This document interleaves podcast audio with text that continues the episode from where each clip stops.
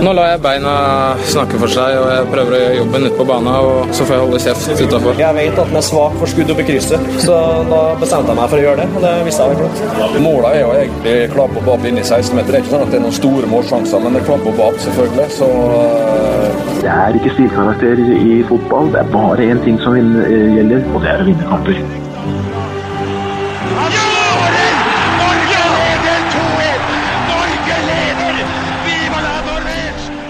Og der er uh, toppfotball tilbake igjen. Kjetil Rekdal sa det i uh, introen her. Mye klabb og babb. Eh, mange vil si at det var kjennetegnet for den første serierunden, men vi koste oss likevel. Det var helt herlig å, å, komme i gang igjen. Selv om Jeg vet ikke om det er for tidlig, men jeg, har lyst til å klage på været. og det er ikke NFF sin skyld. Men det var uansett fantastisk å komme i gang, selv om Ranheim fortsatt ikke har fått lov å spille eliteseriefotball. Lasse Wangstein, velkommen. Takk for det, Martin uh, Ropstad. Uh, nei, altså er det for tidlig? Vi har jo vært innom det før, men det er jo også viktig å ta med den diskusjonen at dette er faktisk klubbene selv som har bestemt at de vil starte så tidlig. Ja. det er jo ikke NFF som har trumfa dette gjennom. Dette kommer fra klubbenes egne ønsker. Så er det selvfølgelig noen klubber som er uenig i det. Eh, men vi har jo starta forholdsvis i dette draget her ganske mange ganger de siste ti årene. Eh, og så er det en eksepsjonell vinter, i hvert fall på Østlandet, hva gjelder både snø og kulde. Så det kan man jo ikke gardere seg mot i vinterlandet Norge, tenker jeg da. Nei, og det er vel uh, de klubbene som, som spiller eh, i Europa bl.a., altså aller mest, ønsker jo å ha sesongen så lang som mulig. Mm. Sånn at de er uh, i kampform. og hadde vi hatt strålende sol, så er det ingen som hadde klaga på det. Og som Nils Fiskekjønn, direktør for konkurranse, hvis det går an, hvis det er det det heter, i NFF, sa jo det at vi har jo hatt seriestart i mars de ni av de ti siste sesongene, eller noe sånt noe. Så dette er ikke noe nytt, men været, er, uh, været har vært litt tøffere i år. Mm. Uh, nok om været, si. Joakim Bårdsen, velkommen. Tusen takk for det. Godt å ha deg her. Uh, hva var dine umiddelbare tanker om, om seriestarten? Jeg satt jo hjemme på lørdagskvelden der og gleda meg til Ranheim Brann, som ja. veldig mange andre. Mm. Og så kom den meldingen der sånn rundt ti på fem. Matchen er avlyst. Ja. Hadde de rukket å legge ut lagoppstillingene? Ja, lagoppstillingene ute. Skulle, uh, skulle Skålevik starte for Brann? Skålevik starte for Brann. Ro Rolandsson venstre kant. Uh, mye, mye, interessant. Uh, men matchen avlyst en drøy time før planlagt kampstart, og det er jo det som er den store skandalen her, egentlig. det at det ikke var mulig å, å ta en avgjørelse før en rekke bergensere satte seg på flyet eh, til Trondheim og, og, brukte masse penger. Og eh, Ranheim-supporterne eh, gikk eh, mot stadion og gleda seg til eh, klubbhistoriens gjeveste kamp. Mm. at avgjørelsen kommer en drøy time før start, det er helt håpløst. Ja, det var, det var trist for supporterne. Ja, ja, for de har jo klart å utsette to andre kamper før første serierunde, altså de i andre serierunde, mm. inkludert bl.a. Ranheim, som da heldigvis for dem allikevel får seriestarten hjemme, siden de da får to runder nå hvor de ikke start, får starta serien. Men jeg tror ikke de syns det er så gøy å Nei. måtte vente uh, en måned nesten på, på seriestarten sin. De har venta lenge allerede. Ja, for det blir jo da sant, to runder, og så er det landslags pause. Så jo, de må, bør nesten bare hive seg på fly til Spania og ta en ny treningsleir. ja, det var det Svein Målen sa. At han uh, sa til NFF at uh, dette løser vi hvis vi får en tur til Marbella. Ja, ikke sant. Det er jo happy. Så var det i orden. Men, men jeg er helt enig med Joakim at uh, det her burde de ha løst mye tidligere. Altså De burde sjekka banen før. Uh, altså selvfølgelig, Hvis du er sånn at du kommer på kampdag og du får sånn som det var i Bodø, at det plutselig detter ned en halv meter snø på en time, da skjønner jeg at kampen kan bli avlyst der og da. Det er vanskelig å gjøre noe med. Ja. Men det er ikke derfor han ble avlyst i Ranheim. Det var pga. banens beskaffenhet. Ja, og en ting som um, jeg er ganske opptatt av, eller som jeg kjenner rører noe i meg, det er at uh, når du ser banene denne runden her eh, match som blir avlyst. Eh, du har Bodø-Glimt-Lillestrøm som blir utsatt, eh, eh, og du må få traktorer på banen for å måke og sånn. Eh, så skjønner alle at det er utfordrende å starte så tidlig, og alle kritikerne mot en tidlig seriestart får langt flere gode argumenter å bruke. Men skal vi ha en norsk fotball, og da tenker jeg ikke bare i toppen, men òg barnefotballen, der vi spiller fra april til oktober, Mm. og har et halvt års opphold. Mm. Det er den store katastrofen, og da tenker jeg hvordan skal vi utvikle spillere hvis det er sånn vi skal ha det? Jeg husker sjøl jeg eh, Vi spilte siste kampen i oktober da jeg var gjerne ti år gammel. Vi hadde ikke treninger engang før april. Nei, nei. Nei. Jeg måtte be om man tar juleferie ofte i Ja, oktober. Jeg, jeg, jeg måtte be om å få lov til å være med andre lag i på en måte andre deler av kommunen som starter opp tidligere. For dette her er jo fullstendig foreldrestyrt ofte. sant? Hvilke foreldre gidder å starte opp i, i januar eller februar når sesongen er i april? Noen gjør det. Andre eh, starter opp eh, uker før sant? Mm. med ei trening. Eh, og på den måten så syns jeg at problemet er mye større og mer komplekst enn skal bare Eliteserien starte i midten av mars. Eh, Her er det er noe som jeg eh, mener påvirker hele Fotball-Norge. Ja, la oss uh, grave litt uh, mer i det der uh, etterpå. Um, I dag så skal vi selvfølgelig snakke om eh, Lars Lagerbäcks nye landslagstropp. Eh, vi skal eh, også gå enda dypere inn i første serierunde. Eh, hvor hva, altså Kunne vi hente noe ut av den, egentlig? Ut fra den fotballen som ble forsøkt spilt? Eh, eller var det bare holke og, og eh, isdans? Uh, hvordan ser Start ut? Uh, hvilke tanker har vi om det? Uh, så skal vi en tur innom Jerv, hvor de skylder på datasystemet for dårlig økonomi.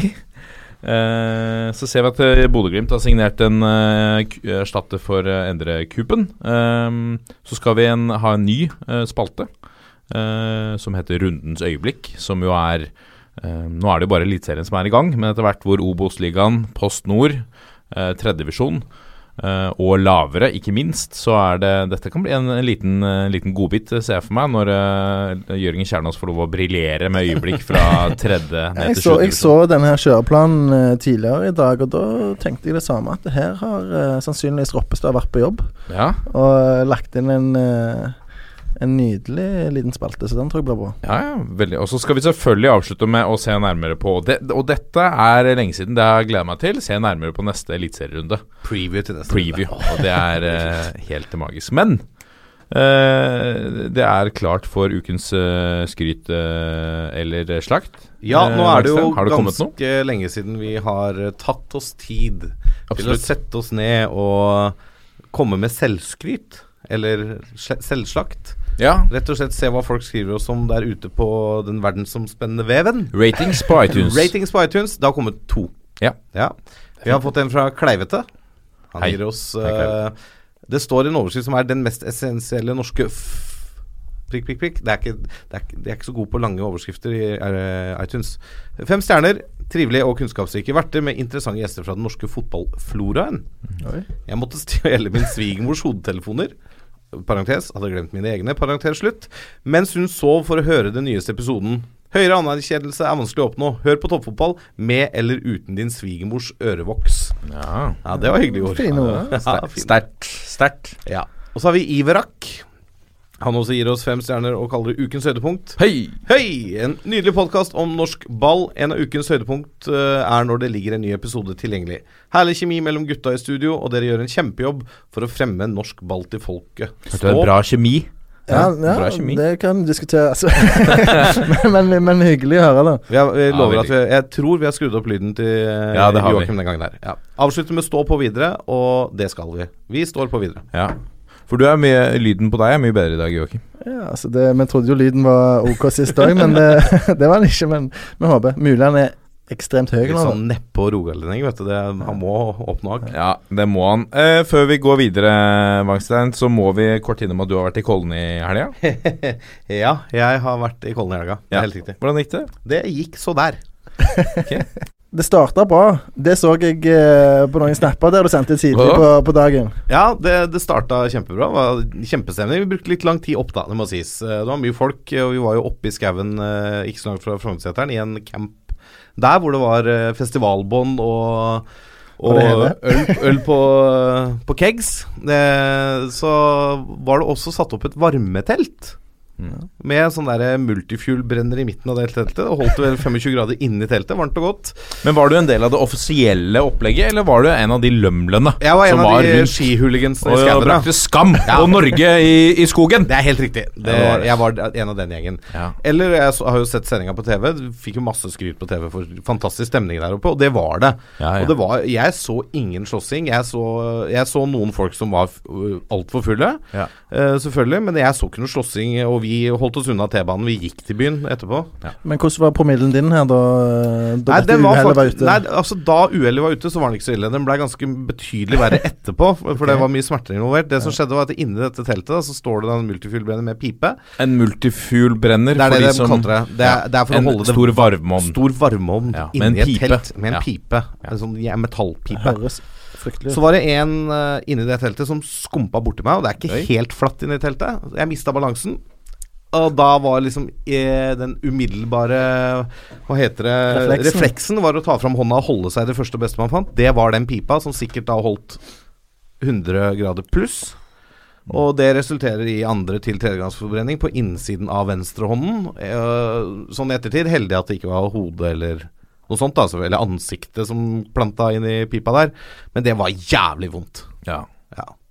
Eh, det ser ikke godt ut. Det, ser, det, er, det er ikke godt. Uh, jeg må jo si at eh, med først en blindtarm, og så nesten en arm røket på ganske kort tid, så er jeg litt bekymra for helsetilstanden din uh, utover i sesongen. Altså. Ja, og så, Så ta vært vare. eh, influensa og masse forkjølelser hele veien. Eh, 2018 har vært et jævlig dårlig år, så jeg var seriøst overraska over at Vålerenga kara med seg en seier i serien. Ja, ikke sant? Kanskje det er det som må til, Nå jeg, vet du. Men du er en stayer, du er en stayer da. Du, du leverer jo for det. Her er jeg. Nå kommer pulsen. Da har vi kommet til pulsen, og vi starter ukens uh, puls med uh, Lars Edvin Lagerbecks Lagerbäcks uh, landslagstropp. Ja, det visste dere ikke. Lars Edvin visste dere ikke. Jeg har hørt en gang, men det er, det er ikke noe jeg tenker veldig mye på. Lasse Eddie, som han heter heretter, eh, har jo tatt ut en gjeng som eh, aller først møter, eh, møter Australia. Eh, eh, på pressekonferansen så sa han jo litt om at eh, de er fortsatt eh, 2017 var et år hvor de rullerte mye. De testa ut Hvor mye var det? det var en, 37 spillere som var på banen, og 41 som hadde kalt inn i, i troppene sine. ja, du var kanskje på pressekonferansen? Nei, jeg var ikke det. Jeg fulgte han bare med på, på TV. De sendte en svakere mann fra De sendte en betydelig sterkere mann. Kan aldri tenke. Um, men, men at de fortsatt nå på disse to kampene skulle, skulle rullere litt um, og teste ut litt. Ja, men tanken eh, er jo at nå skal de eh, sette ei gruppe på gjerne så lite som ned mot eh, 15-16 mann, eh, som, er, som danner en kjerne eh, i eh, troppen eh, framover. Eh, men dette er på en måte en av de siste mulighetene for Lagerbäck til å se nye typer. ehm, som vi kommer inn på her etter hvert. Det er jo, det er jo noen nye som er inne. Ehm, og så kommer det to kamper eh, senere inn mot eh, sommeren, som blir de siste før Nations League begynner til høsten. Det og, jo ja. og da sa han også at eh, selv om han ikke nå slipper til amerikanerne, som han kaller det, som er Ola Kamara, det var bevisst å utelate de, og også Jørgen Skjelvik, Mm. så sa han at det er en åpning der hvis de fortsetter å prestere, at de, det ligger litt i kortene at de får sjansen i de to neste matchene. Ja, og det, det syns jeg er positivt. Eh, Men det med at han eh, nå skal sette en uh, tropp, er jo egentlig noe vi har venta på siden han ble ansatt. For Ja. det, det gjorde han i Sverige, det gjorde han i Island, med hell. Mm. Han hadde en kjernegruppe. Han brukte nesten de samme elleve i hver kamp. Han, han satt spillet, han satt spillestilen, og det funka som fjell. Nei, innrømte du jo sjøl òg at uh, Han sa på pressekonferansen at det, det er ikke det jeg ser på som eliteidrett. Å, å bruke så mange spillere. Nei, nei. Eliteidrett er mye mer spissa. Sånn. Mm. Så han vil ned til, til en kjerne med, med, med folk som passer inn i hans filosofi, som han uh, kan stole på. Og da er det ikke nødvendigvis de som er best eh, individuelt. Nei, eh, men eh, det er jo nok av individualister i troppen. Men så er det kunsten her er å, å få disse, disse til å fungere sammen. Ja, for jeg, Først og fremst så syns jeg det er meget gledelig og nesten på høy tid at Kristoffer Ayer er med. Og kanskje få prøve seg på midtstopperplass. Jeg tror han er fremtidens eh, landslagsstopper for Vålerenga, sier jeg, for Norge. Han har drømt mye her nå i Nå siste. har det vært mye eliteseriestart, altså. Eh, for Norge Det hadde vært gøy å ha den i Vålerenga, da. Men eh, ok, nei, men, fremtidens stopper for Norge. Han er fortsatt Vi vel ikke fylt 20? Nei, 19 år. 19 år, ikke sant? Og kan være stopper på landslaget i 15. Eh, Jeg syns det er fascinerende å høre Lagerbäck som snakker om at han skal ikke være så god når han er så ung. ja, men det, sa, det sa han om Sander Berge òg. Ja, ja, Og han mangler jo selvfølgelig pga. skade. Eller han er vel tatt ut for å Men, ja. men det har han rett i, og det, det slo meg òg da jeg hørte det, at eh, de skal jo ikke være så gode, egentlig. Og det er jo noe som gjør det ekstra kjekt at de er fra Norge, da. At vi har typer som Sander Berge som eh, Når han er skadefri, og forhåpentligvis blir han det veldig, veldig kjapt, så er han en av eh, Europas mest spennende midtbanespillere. Mm. Eh, eh, og, og en av de bedre òg, det må jeg bare lov å si. Eh, og eh, så har du Kristoffer Eier, som nå har blitt fast i Celtic. Han er bare 19 år og har alle forutsetninger for å bli en topp, topp stopper eh, som kan dominere i, i Premier League eh, om noen år. Hvem minner han om Kristoffer Ayer? Han, han, ble, eh, han ble jo tidlig sammenlignet med Brede Hangeland. Sant? Ja. En type som eh, er rolig med ballen, men som òg har evnen til å eh, ta med seg opp i banen. eh, eh, til å gå forbi et pressledd, eh, til å eh, ikke minst i tillegg eh, lede lagkameratene sine som et uh, kapteinsemne. Og som Hangeland så var han jo midtbanespiller tidlig i karrieren. Og så er han en ledertype. Altså Det sies jo at uh, da 16 år gamle Ayer kom til start, så tok han liksom garderoben der på fem minutter. Han bare var sjef med en gang. Uh, og det er jo veldig gøy å høre. Jeg syns det er gøy å høre om sånne spillere som Ja. på en måte har det naturlig i seg. Og det er noe som er mulig å gjøre hvis du er ekstremt seriøse og profesjonelle i alt du gjør. Mm. For hvis ikke så får du ikke noen respekt. Sant? Nei, nei, Og i hvert fall ikke i den alderen. Eh, hvis du kommer inn som 16-åring og, og tror du er King Kong og eh, ikke skal trene hardt, eh, du skal bare flyte rundt og, og heppe litt med ballen og sånn, da, da er du sjanseløs. Men, men han Litt som Ola Kamara sa her i en sending for øvrig. At Ja, ja. eh, det var vendepunktet. Han, eh, da holdt han på å miste Ja, det. og, og så er det jo de som er, blir veldig gode i ung alder, gjerne de som har forstått det tidlig òg, da. Sant? Så er det selvfølgelig noen eh, eh, urokråker eh, som eh, har vært ekstremt gode tidlig òg, men da har de hatt et helt eksepsjonelt eh, talent. Sant? Men jeg har lyst til å trekke sammenligningen helt tilbake til Altså Hvis du går ett hakk tilbake da til Erik Hoftun. Uh, og et tak tilbake igjen til Rune Bratseth. Som Ja. litt sånn eh, egne typer som med Altså eh, Hoftun var jo en, en, en, en offensiv styrke, et sånt uromoment. Ja, det- altså Motstanderne visste ikke hvordan de skulle ta han ut. Det var Bratseth òg. Ja. Første landskampen jeg så på Ullevål, det var mot Kypros, eh, sannsynligvis på 80-tallet. Da tok Bratseth med seg ballen fra egen 16-meter, Mm. Gikk løp over hele banen og skåra. Yes. I en 3-0-kamp der. Det var helt Elgen, fantastisk. Ja, men Hoftun, sant, han var, sånn som du sier, Martin, et eh, eh, viktig element i, i Rosenborg sin eh, sitt angrepsmønster, om du kan si det, det med at eh, når motstanderen lå lavt, som de i hvert fall gjorde i, i hjemlige kamper, eh, så førte han opp ball, eh, dro på seg press og spilte fri eh, en indreløper, f.eks. Og, og det er jo ekstremt viktig når du møter lavtliggende lag. Men både Hoftun og Bratseth var litt mer late bloomers, da. Ja. Altså, de var, de var ikke på A-lags Ja, Bratseth, eh, Bratseth var jo rota ned i fjerdedivisjon i midten av 20-årene. Ja, ikke sant. Han sånn, gikk sånn, Ja, så- eh, de var ikke i A-lagstroppen som 19-åringer, noen av dem. men, men som typer, Ja, ja, eh, som, som spillertyper, så, så er det en, en rimelig klar likhet mellom de fire som har nevnt nå. Men det er ikke lenge siden vi satt her og skrek etter eh, store, sterke stoppere. Nå har vi fått både Kristoffer Vassbakk Eier og eh, Sigurd Ostedt inn i troppen. Mm. Hvor vi også har en Håvard Nordtveit, som jo Lars Hva sa du nå? En, Håvard Nordtveit. En- En ja.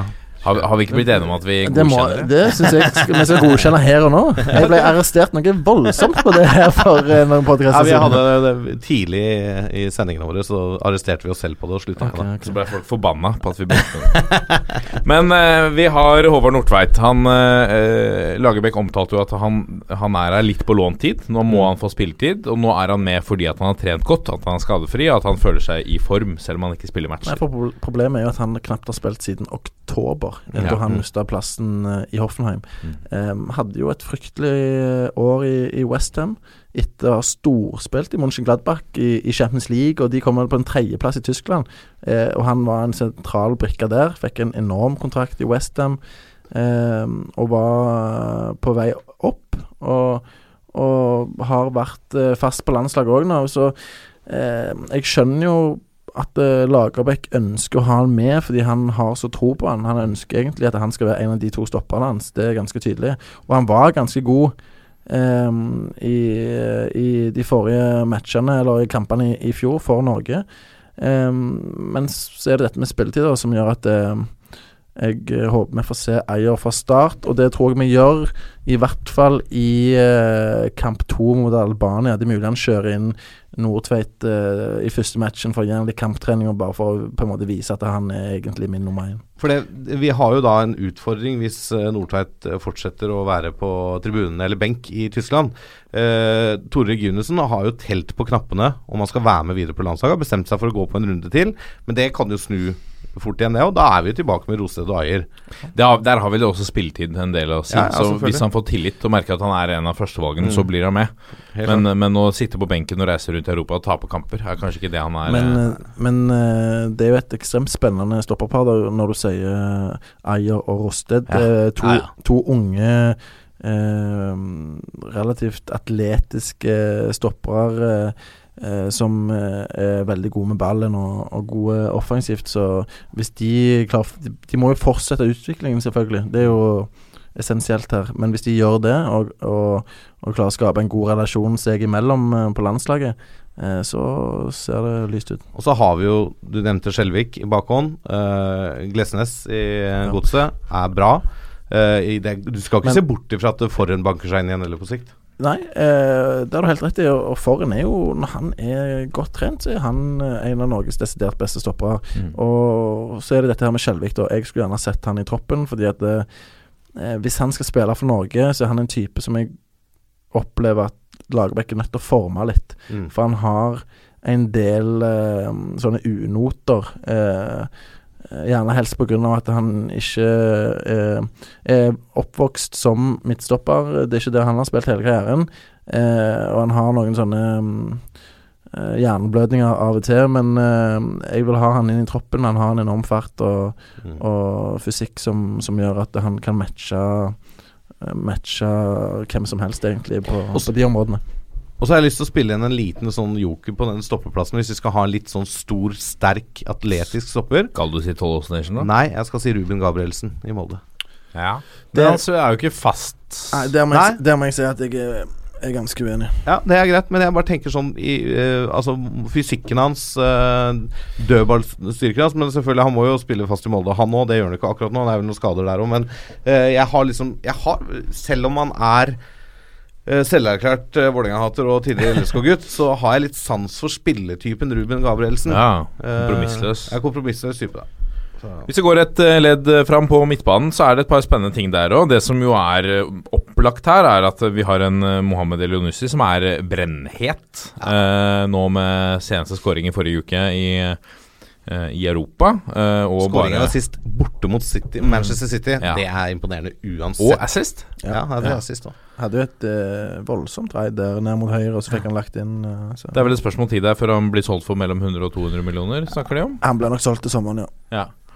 Um, For det er jo sånn Det som, det som er så vilt uh, i England, sant? det er jo Det er ikke mer enn én sånn en kamp som skal til, så sitter Sam Allardyce og ser dette. Å, hvem er den gutten her, liksom? Mm. Sant? Ja, jeg vil ha han, jeg. Eh, og så bryr ikke han seg om om det koster klubben 30 millioner pund. Da skal han ha han. Ja, ja. Og så har, Hvis han har nok makt internt i klubben, og så får han han. Også Så dobbeltklikker de på han, og så ser Ja, de på transfermerkt at han har jo pokker meg en haug av assist og en eh, rekke skåringer i år også. Og kjører opp på YouTube, så ser han at han har levert. Og han Så det er kan ikke jo- bare nå. Nei, og han kan jo spille på begge kantene, så da, han er liksom Veldig sterk. Han er vankers. Han er en meget bra spiller. Sant? Ja, han er en toveisspiller som jobber godt defensivt òg, så ja. Så har vi en spiller som jeg syns alltid er god når han er på landslaget, Mats Møller Dæhlie. Når han er skadefri, og selv når han eh, Vi har sett han som oftest eh, i de siste landskampene som innbytter. Ja. Men selv da så klarer han å forandre et eh, kampbilde litt til Norges fordel. Altså, han har noe ved seg som gjør at han kan uh, dra av et forsvar, eller dra en forsvarer, holde på kula, få flytta etter laget. Uh, han er smart i de taktiske valgene, uh, og han er bra teknisk. Utfordringen til Mats Møller Dæhlie er jo den forferdelig triste skadehistorikken. Og nå har han spilt 17 minutter siden forrige landskamp eller noe sånt. Ja. Det er ikke, det er ikke bra nok. Nei, og på en måte uttak av han har jeg litt sånn ambivalent forhold til, fordi at han er en av de som jeg eh, nærmest ble forelska i som fotballspiller da han slo gjennom. Um, når han kom til Molde, vi fikk sett han i Eliteserien, han, han var veldig tidlig inne på landslaget og, og herja borte mot Danmark der som eh, 18-åring. Um, og så kom han til Premier League i Cardiff med Solskjær. Og var den beste spilleren for Cardiff, eh, vil jeg påstå, selv med greit jeg har norske øyne og alt dette her. Men han viste kvaliteter i Premier League eh, eh, på et eh, meget svakt Cardiff-lag som, som var veldig spennende. Og så har han slitt så enormt om disse kneskadene, og som, som har blitt fulgt av andre typer skader. Og nå er han i, i andre Bundesliga og knapt får spille for St. Pauli. Sant? Så da da må jeg si at akkurat denne gangen her, så mener jeg at det sitter en, en kar eh, eh, i eh, Eller på Kypros som eh, hadde fortjent en mulighet til å vise seg fram på bekostning av Deli. Jeg er helt enig, for, og da er jeg også inne på Martin Ødegaard. For jeg tenker både Martin Ødegaard og Mats Møller er, er litt den derre teknisk briljante kantspilleren du skal bruke for å kunne bryte opp litt eh, lavtliggende forsvar. Og akkurat per i dag så sitter det en fyr, eh, Gea Said, på Kypros, som er i mye bedre form og leverer på mye høyere nivå uke ut og uke inn. Og da syns jeg han burde få muligheten på bekostning av enten Møller Dæhlie eller Ødegaard i den troppen her. Ja, det er ingen Du får ingen bedre muligheter til å, å eh, gi Gya Sahid sjansen enn denne samlingen her. Ehm, det kommer en samling til, ja, rett før Nations League, men hvis eh, skepsisen er så stor til Sahid, så må du iallfall benytte de mulighetene du har til å bli kjent med han før alvoret starter, som eh, de kaller det, med, med Nations League i, i høst. Eh, og det er heller ikke sånn at det, det er rettferdig å si eh, til Gya Sahid at det, ja, altså, du må prestere over litt lengre tid før vi tar deg ut. For han har prestert nå over lang, lang tid, og har uh, like mange målpoeng som han har uh, kamper på Kypros. Han har spilt seks matcher i Champions League. Han har spilt mot Real Madrid. Han har gjort det veldig bra med Borussia Dortmund. Sant? Han har uh, en av de mest imponerende eh, CV-ene det siste året tatt i betraktning av norske spillere. Og da er det sånn På en måte irrelevant eh, hva han gjør fram mot neste samling, for det er det han har gjort nå som bør bety noe, og da burde han vært i den troppen. Jeg er helt enig. Men da burde han kanskje vært byttet ut mot en spiller som nesten ikke får spille i andre Bodensliga. Jeg mener Det jo Martin det det. Ødegaard nå er selvsagt i den Ja, troppen, med tanke på det det han har levert nå. Han er fast i, i, i Nederland. Han har den X-faktoren som, som kan bli veldig viktig for Norge. Eh, senest nå målet mot Ajax, så er Ja ikke da. det målet kvalifiserende alene. Men han er jo, sånn jeg ser det nå, et par hakk foran Mats Møller Dæhlie i denne diskusjonen. Ja, det er jeg enig i, men det er de to som eventuelt Gyas konkurrerer med i troppen, tenker jeg. Ja, Ja. Men, men for meg så er det åpenbart at det, det er Mats Møller Dæhlie som uh, burde uh, vike for Mm. Gyas Sahid. Mm. Og ehm, eh, så er det dette her da med at det, det eneste argumentet jeg kan se, eller eneste grunnen til at Lagerbäck tar med Mats Møller Dæhlie, det er fordi at han har um, registrert eh, for seg sjøl at uh, Mats Møller Dæhlie er en mann han kan stole på, Ja. og en mann som han ønsker å ha som en brikke i sin tropp uh, i den kommende EM-kvalifiseringen. Og da er det fair enough, men eh, da betyr det samtidig at Gya Sahid aldri får sjansen, da, i, i bunn og grunn. Selvfølgelig kan han bli kalt inn i juni, men eh, det virker rimelig sjanseløst for Gyas. Det virker som det på en måte er det Lagerbäck har bestemt seg for. Eh, til Mats Møller Dæhlies forsvar så er jo han eh, kanskje hakket hvassere på den defensive jobben enn er Gea han. Han. Er, en terrier, eh, til tross for sine tekniske finesser. Ja, og jeg sier ikke at uh, Gya Sahid hadde gått inn i en startelver til Norge og, Nei, nei. og vært uh, eksepsjonell. Det er ikke det jeg sier, men uh, skal du gi den sjansen, så må du gi den den nå. Mm. Ellers så syns jeg det er hyggelig, når vi er inne på navn man kanskje ikke visste fantes, Iver Tobias Rørvik Fossum. At han er med i troppen. Uh, spiller en del uh, for Hannover, og 13 kamper i år, Ja. én scoring, én assist. Apropos syke navn. Ok. Skal det smelle, eller? Kristoffer Ramos Barmen. Kristoffer Ramos Barmen. Er Kristoffer? Ramos Barmen, den leste jeg du nå? her, Nei, her før helga, og, og tenkte sånn Det der er jo helt uh, legendarisk. Hvorfor har ikke jeg uh, hørt om det før? Kristoffer Ramos Ramos Ramos Er det, det Han er bør jo ha Ramos bak på drakten. ekte navn? Det er ekte navn, ja. Oh, ja, okay. Hvis ikke jeg vi eh, må, vi, det må vi Det der må vi sjekke nærmere Bare sjekke fiks, det. Vi må Ja. Ja, men det er mulig det var fiks jeg sjekket, faktisk. Sikkert, ja. Og, Men jeg, så det. men jeg syns det er bra at han eh, får muligheten til å komme inn og vise seg fram i troppen uh, igjen. Eh, Ja. Det er en spiller jeg har veldig sansen for, og når du spiller på såpass høyt nivå som Hanover, så uh, har du kvaliteter. Eh, Men, det men er ikke dette litt sånn eh, Det er litt sånn uh, som uh, For ikke å dra opp hele Gia Said-diskusjonen igjen, da. Men Lars Lagerbäck og Perry sier at de har sett uh, Iver få så mye. Mm. De har vært nede i Tyskland noe, men de har sett mest video. Mm. Sa vel også Perry da han var rasist. sist. Men de har ikke Hvor mye har de sett Gia Said? Altså, som, som Joakim sa, han har 22 kamper. Han har eh, 9 skåringer og 14 assist. Ja, det er helt sjuke Eh, tall. det, er jo, det er jo tall som liksom lar høre fra seg. Han har spilt i Eliteserien, så han har vært tatt ut. Ja, men altså, velger jeg å og kypriotisk liga er bedre enn norsk eliteserie. De har Champions League-lag og Nettopp. Apoel slo ut Rosenborg her nå nylig fra, fra Champions League-kvalifiseringen. Ja, så Ja. Ja, men eh, la oss eh, la den ligge for, eh, for nå. Jeg syns det er også gledelig at vi har en mann i, i Fredrik Mitsjø som, som mm. gjør det meget bra i den nederlandske er en- Folk snakker om at han er blant de beste midtbanespillerne i ligaen der Ja, nå. det er en annen sånn type spiller som jeg tidlig fikk en sånn forkjærlighet for, og da er det sånn automatisk at du håper de gjør det bra, egentlig, i hver kamp de spiller. Eh, og det har jo han gjort nå i, i Nederland, og perfekt karrieresteg for han. Eh, Fortsette utviklingen. Eh, spille sammen med Jonas Svensson, eh, ha en trygghet der, to gode kompiser. Eh, så alt ser ut til å være på stell for han etter en trøblete ungdomsperiode der han var et supertalent i Rosenborg, og så røyk han korsbåndet. Mm. Og så havna han i Sandnes Ulf. Mm. Og lå og loka rundt der, og folk hadde ikke særlig store forventninger til han. Og så hadde han en kanonsesong eh, i Eliteserien for, for Sandnes Ulf, og så plutselig så så er han i, i Nederland. Og på Men dette viser at man ikke må gi opp, da. Sånne historier som dette. Vi kan, jeg kom til å tenke på Pål Alexander Kirkevold også. Mm. Avskrevet omtrent i norsk eliteserie. Målkonge i Danmark. Ja. Altså, og han la ikke skjul på at dette er ikke Altså, eh, det er ikke magi, dette. Det er hardt arbeid. Ja. Masse, masse trening. Og så uh, må du ha flinke folk rundt deg, og du må ha et hode som klarer å holde fokus når det butter imot. Ja, men du har, Det er fantastisk å gjøre disse tingene. Du Altså. har jo akkurat det samme med Alexander Sø- øh, Sørloth, ikke sant? Som blir leid ut uh, til Bodø-Glimt, og så blir han solgt til Nederland. Er Ja, så der, ikke sant?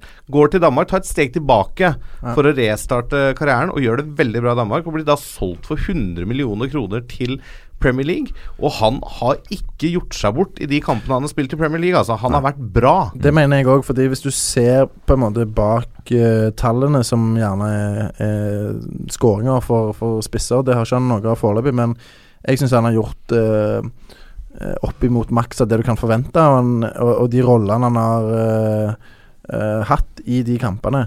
Og nå minner jeg om disse typene som jobber beinhardt. Det er sånne folk som det som på en måte fascinerer meg eh, mest, og de typene der som jeg får mest respekt for. Um, jeg var heldig nok til å få dekka den Sørloth-overgangen i London. Um, samme Det ble vel da dagen etter han skrev under. Jeg var klar for, for Palace, og da prata jeg med han om um, sånn veien fram, sant. Uh, litt sånn naturlig uh, greier fram til overgangen til Palace. Og så kom jeg inn på tida i Bodø-Glimt, og da sa han at eh, ehm, Han var jo utlånt fra Rosenborg. Møter først veggen én gang der. Mm. De har ikke Ja, greit, de sier gjerne de har tro på han, men uh, du skjønner jo at eh, de har ikke tro på deg da. Uh, og det er egentlig opp til deg sjøl, og det var opp til han å vise at han um, var god nok og ville bli god nok til å spille for Rosenborg. Men det er jo en tøff beskjed å få at det, nå skal vi ikke satse på deg. Men uh, greit, han dro til Bodø-Glimt, og så får han en veldig dårlig start i Bodø-Glimt òg. Og, og fortalte at han satt i en bekmørk kjellerleilighet i Bodø den våren der og tenkte skal jeg bare slutte med fotball? Skal jeg bare gi meg? Tenkte jeg. Og, og liksom Han var han, Det var ikke sånn at han eh, At han sa til noen at han skulle gjøre det, men han ringte faren, Gjøran, som for øvrig eh, vi så i, i TV 2-studio under, under eh, United-matchen, som virker som en meget eh, fin fyr og bra rådgiver, eh, og sa dette her, nå er det bekmørkt, nå, nå vet jeg ikke helt hva jeg skal gjøre. Og, og fikk støtte av faren, da, sant? så bare oppfordrer han til å stå i det og, og jobbe på. Og så får han da gjennombruddet sitt i Bodø-Glimt. Um, etter at òg Stig Inge Bjørneby hadde bedt han om, om å bli værende og ikke komme tilbake til Trondheim. uh, og og skåre 13 mål Mm. Den høsten der, egentlig. Og, og ble solgt til, til Gråningen eh, etterpå. Sant? Så det er jo det, det snur fort, men du skal pokker meg være tøff i hodet òg for å komme gjennom sånne perioder. Hjelper å ha verdens beste møtende spiss som pappa også, kanskje. Det hjelper sikkert veldig. Og så er det jo eh, Altså Bjørn Mars Johnsen er tilbake i troppen. Eh, men eh, Alexander Sørloth er jo en spillertype som jeg tror ligger eh, Lagerbäcks hjerte nær, da. Altså Hvis vi går tilbake til Island igjen altså uh, Han hadde jo kunne rå over uh, bl.a. Vidar Ørn Kjartansson som scorer på bestilling. Men han var jo på benken uh, til fordel for han Bødvarsson, er det han heter? Han som var i Viking? Jon Dadi. Jon Dadi Bødvarsson, ja. Som eh, da han var i Eliteserien, var sånn der Ja, han er jo en ålreit spiller, men han er jo ikke topp, topp, toppklasse. Men han jobba steinhardt begge hele tiden, ikke sant? Og det var spillertypen som Lagerbäck ville ha. Og da spilte han foran en sånn veldig naturlig målskårer som, eh, som Vidar Ørn Kjartansson. Og det Altså, Sørloth er en sånn spillertype som jeg tror Lagerbäck bare elsker. Ja, og Sørloth er jo eh, Er jo Han er jo ikke helt like sånn som Jon Dadi Bødvarsson, i den forstand at det, han vil jo ta den store, sterke rollen, Mm. som er oppspillspunktet og, og den tunge som skal være i boksen, mens Joshua King kommer til å være den som vandrer litt rundt Sørloth og eh, stikker mest i bakrom og, og sånn. Og så er jeg spent på om King, da, jobber så hardt som Bødvarsson gjorde. Sant? For det Hvis ikke så mister Norge og, og Lagerbäck en viktig brikke i presspillet. Um, men det, det tror jeg King uh, kommer til å gjøre, fordi det er på en måte ikke noen annen utvei under Lagerbäck. Men um, å se de to sammen nå, etter at Sørloth har kommet seg til Premier League og fått den oppturen som, som det medfører, det blir veldig spennende. Fordi at Én ting er at vi vet at King er en bra spiss, men Sørlotte nå eh, Han ser faktisk Jeg syns han ser helt rå ut, jeg. For han er, han er så svær, og han er så sterk. Og så har han fart i tillegg, og så har han balanse, så har han teknikk. Eh, han har vist tidligere at han er en goalgetter. Så han må bare begynne å få de gollene i, i England og på landslaget, så tror jeg han kommer til å bli helt maskin. Og så vet jeg vi snart skal videre, men jeg bare et lite sånn hjertesukk på slutten her. Jeg håper nå ikke vi får sånn masseforfall, siden dette er liksom treningskamper eller privatkamper. Jeg håper de fleste som står i den troppen her nå, faktisk er med når vi møter Australia og Albania, sånn at eh, de får spilt og vist seg fram. Jeg vil vel tro at de har gjort det ganske klart at dette er ganske viktige kamper for å spille inn en tropp. Det er, det. eh, det er litt annen status på disse enn de tidligere treningskampene som har vært. Um, før vi går eh, videre uh, er det, det er jo to treningskamper etter dette. Er det, er det noen spillere som, som dere håper får sjansen da, for å vise seg fram før alvoret braker løs på bortsett fra Gia. Bortsett fra Geo Said. Altså, jeg har vært inne på Jørgen Skjelvik, som jeg eh, mener Ja, bør de, eh, Skjelvik og Kamara får mest sannsynlig sjansen. Ja. da. Og så Ja, er, men, er, men er den flyturen eh, fra USA så veldig lang? Det er bare å sette dem litt fremme i flyet da, og gi dem litt gode seter. Så det har de råd til. Det, det går helt fint. Det er ikke så dyrt med businessbilletter fra Los Angeles over, altså. Nei, altså, vi var vel inne i sjiktet når vi ville til LA. Det er ikke mange tusenlappene, det. Og det er ti timer direktefly vel fra LA til Oslo, så det burde gå. Det Det tåler er ikke noe problem. Men eh, det, og det, det kan jo hende at f.eks. Alexander Sødlund eh, banker på døra, hvis han får spille i Rosenborg og gjør det godt der som Ja, altså Han, han trodde jeg faktisk skulle bli tatt ut i denne troppen. ja det jeg også. Men så er det Bjørn Mors Johnsen som har uh, prestert Ja, for det er enten han eller Bjørn. Ja, ja. Mm. Og, og han har prestert uh, brukbart nå i, i Nederland, uh, men Bjørn Mors Johnsen er ikke noen personlig favoritt hos meg som spillertype, men Men som type? Det kan godt være. Nå kjenner ikke jeg han personlig, men det kan godt være en fantastisk fin fyr. Men uh, hvis vi skal tenke litt uh, uh, Hva skal jeg si nådeløst på det, så mener jeg at selv om Sutherland ikke nødvendigvis er der han bør være akkurat nå, han heller, i og med at han ikke har en fast plass på Rosenborg og sånn, så, så hvis jeg skal sette de to opp mot hverandre, så mener jeg Sutherland er bedre. Jeg vil ha med Kristoffer Sakariassen. Ja. La han få muligheten, da, til å løpe fra seg på landslaget også. Spennende type. Ja, absolutt. Uh, la oss eh, gå videre. Vi har allerede snakket en del om, uh, om første serierunde. Um, er det um, er det hvilke, hvilke lag overrasket, eller var det noen som imponerte dere, eller skuffet spesielt? Jeg ble Jeg må si at uh, den kampen i Molde Molde-Sandefjord var vel litt som forventa, at Molde skulle styre den ganske greit. Det ble veldig stygge sifre der til slutt. Litt, jeg er skuffa over eh, Tromsø og Vallakari. Ja. Ja. nå kommer Start med, som nyopprykka med en voldsom energi og engasjement, og det er mange nye spillere som skal vise seg fram, og som viser seg fram. Men eh, som noen har vært inne på i diverse medier, det virka som Valakari bomma litt grann på taktikken, både før kampen og underveis.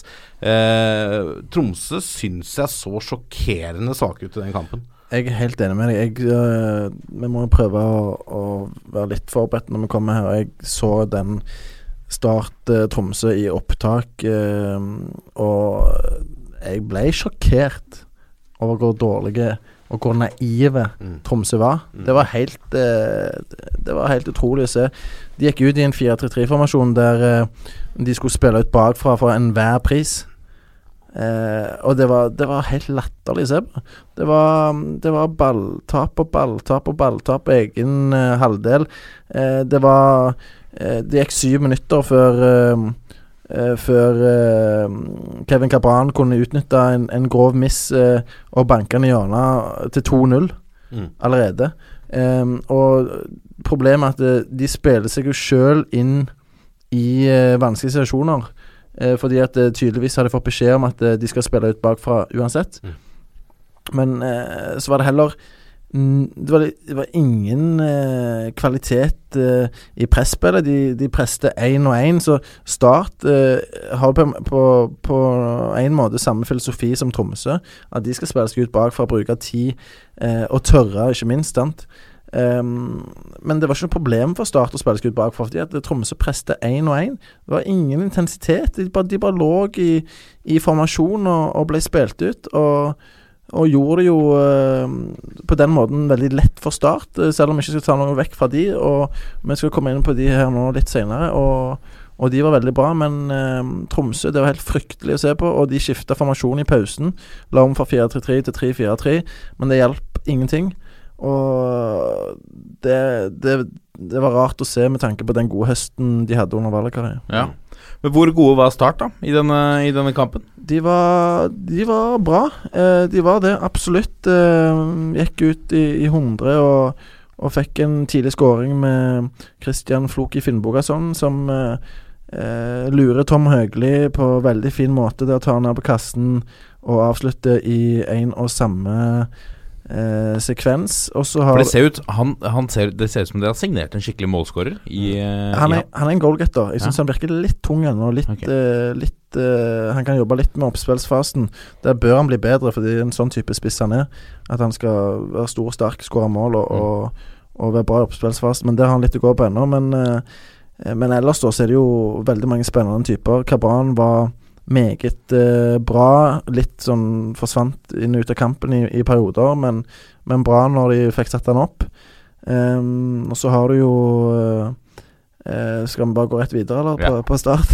Så har du jo Tobias Christensen, som eh, det var store forventninger til. 17-åringen, det, det store supertalentet. Han syns jeg ble bedre og bedre utover i kampen. Kom enda mer med i, i andre omgang og viste seg jo som Han er jo som Martin Ødegaard-type. Mm. Lettbeint. Ehm, men det som jeg liker med han, det er at han um, tar gode valg.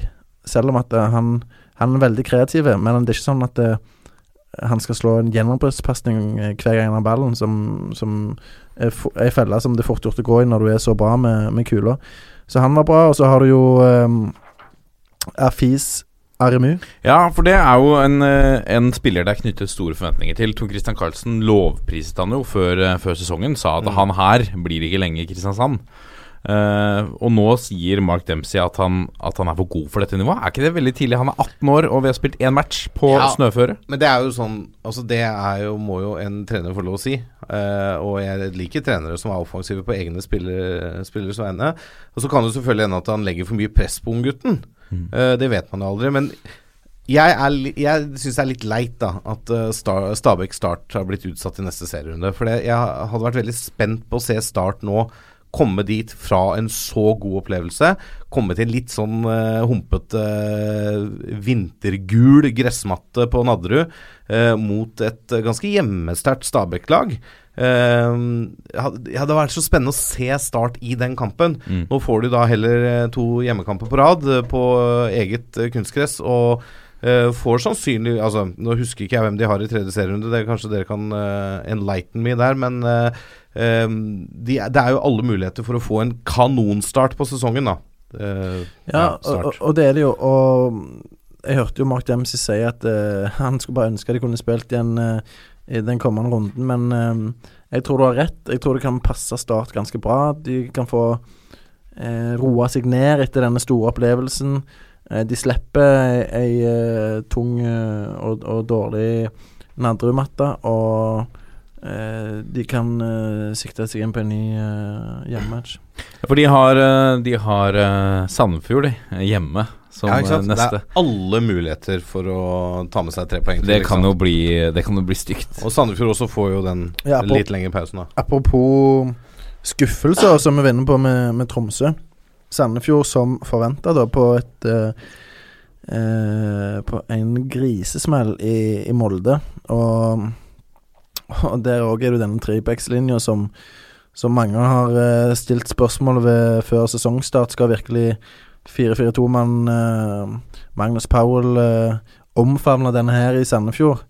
Eh, og det har han jo gjort eh, foreløpig, men eh, der tror jeg eh, Uten å ha finstudert eh, Sandefjord så langt i år, så, så ble jeg iallfall ikke overraska, for å si det sånn, da, om de kommer til en anerkjennelse etter hvert, at de bør gjøre ting enklest mulig, og, og de bør gjerne gjøre det før det er for sent. Skal ikke Sandefjord spille med tre bak da? Eller så de velger heller å gjøre det enn å rykke i, eh, Ja, I hvert fall Lars Bohin øh, valgte jo heller det, da. Men om det er øh, styrevedtatt i Sandefjord fotball, det vet jeg ikke. Nei. Men de bør ta en titt litt grann nordover i landet og se hva Tor Ole Skullerud gjorde i fjor. Han var jo også veldig sånn 4-4-2 i starten.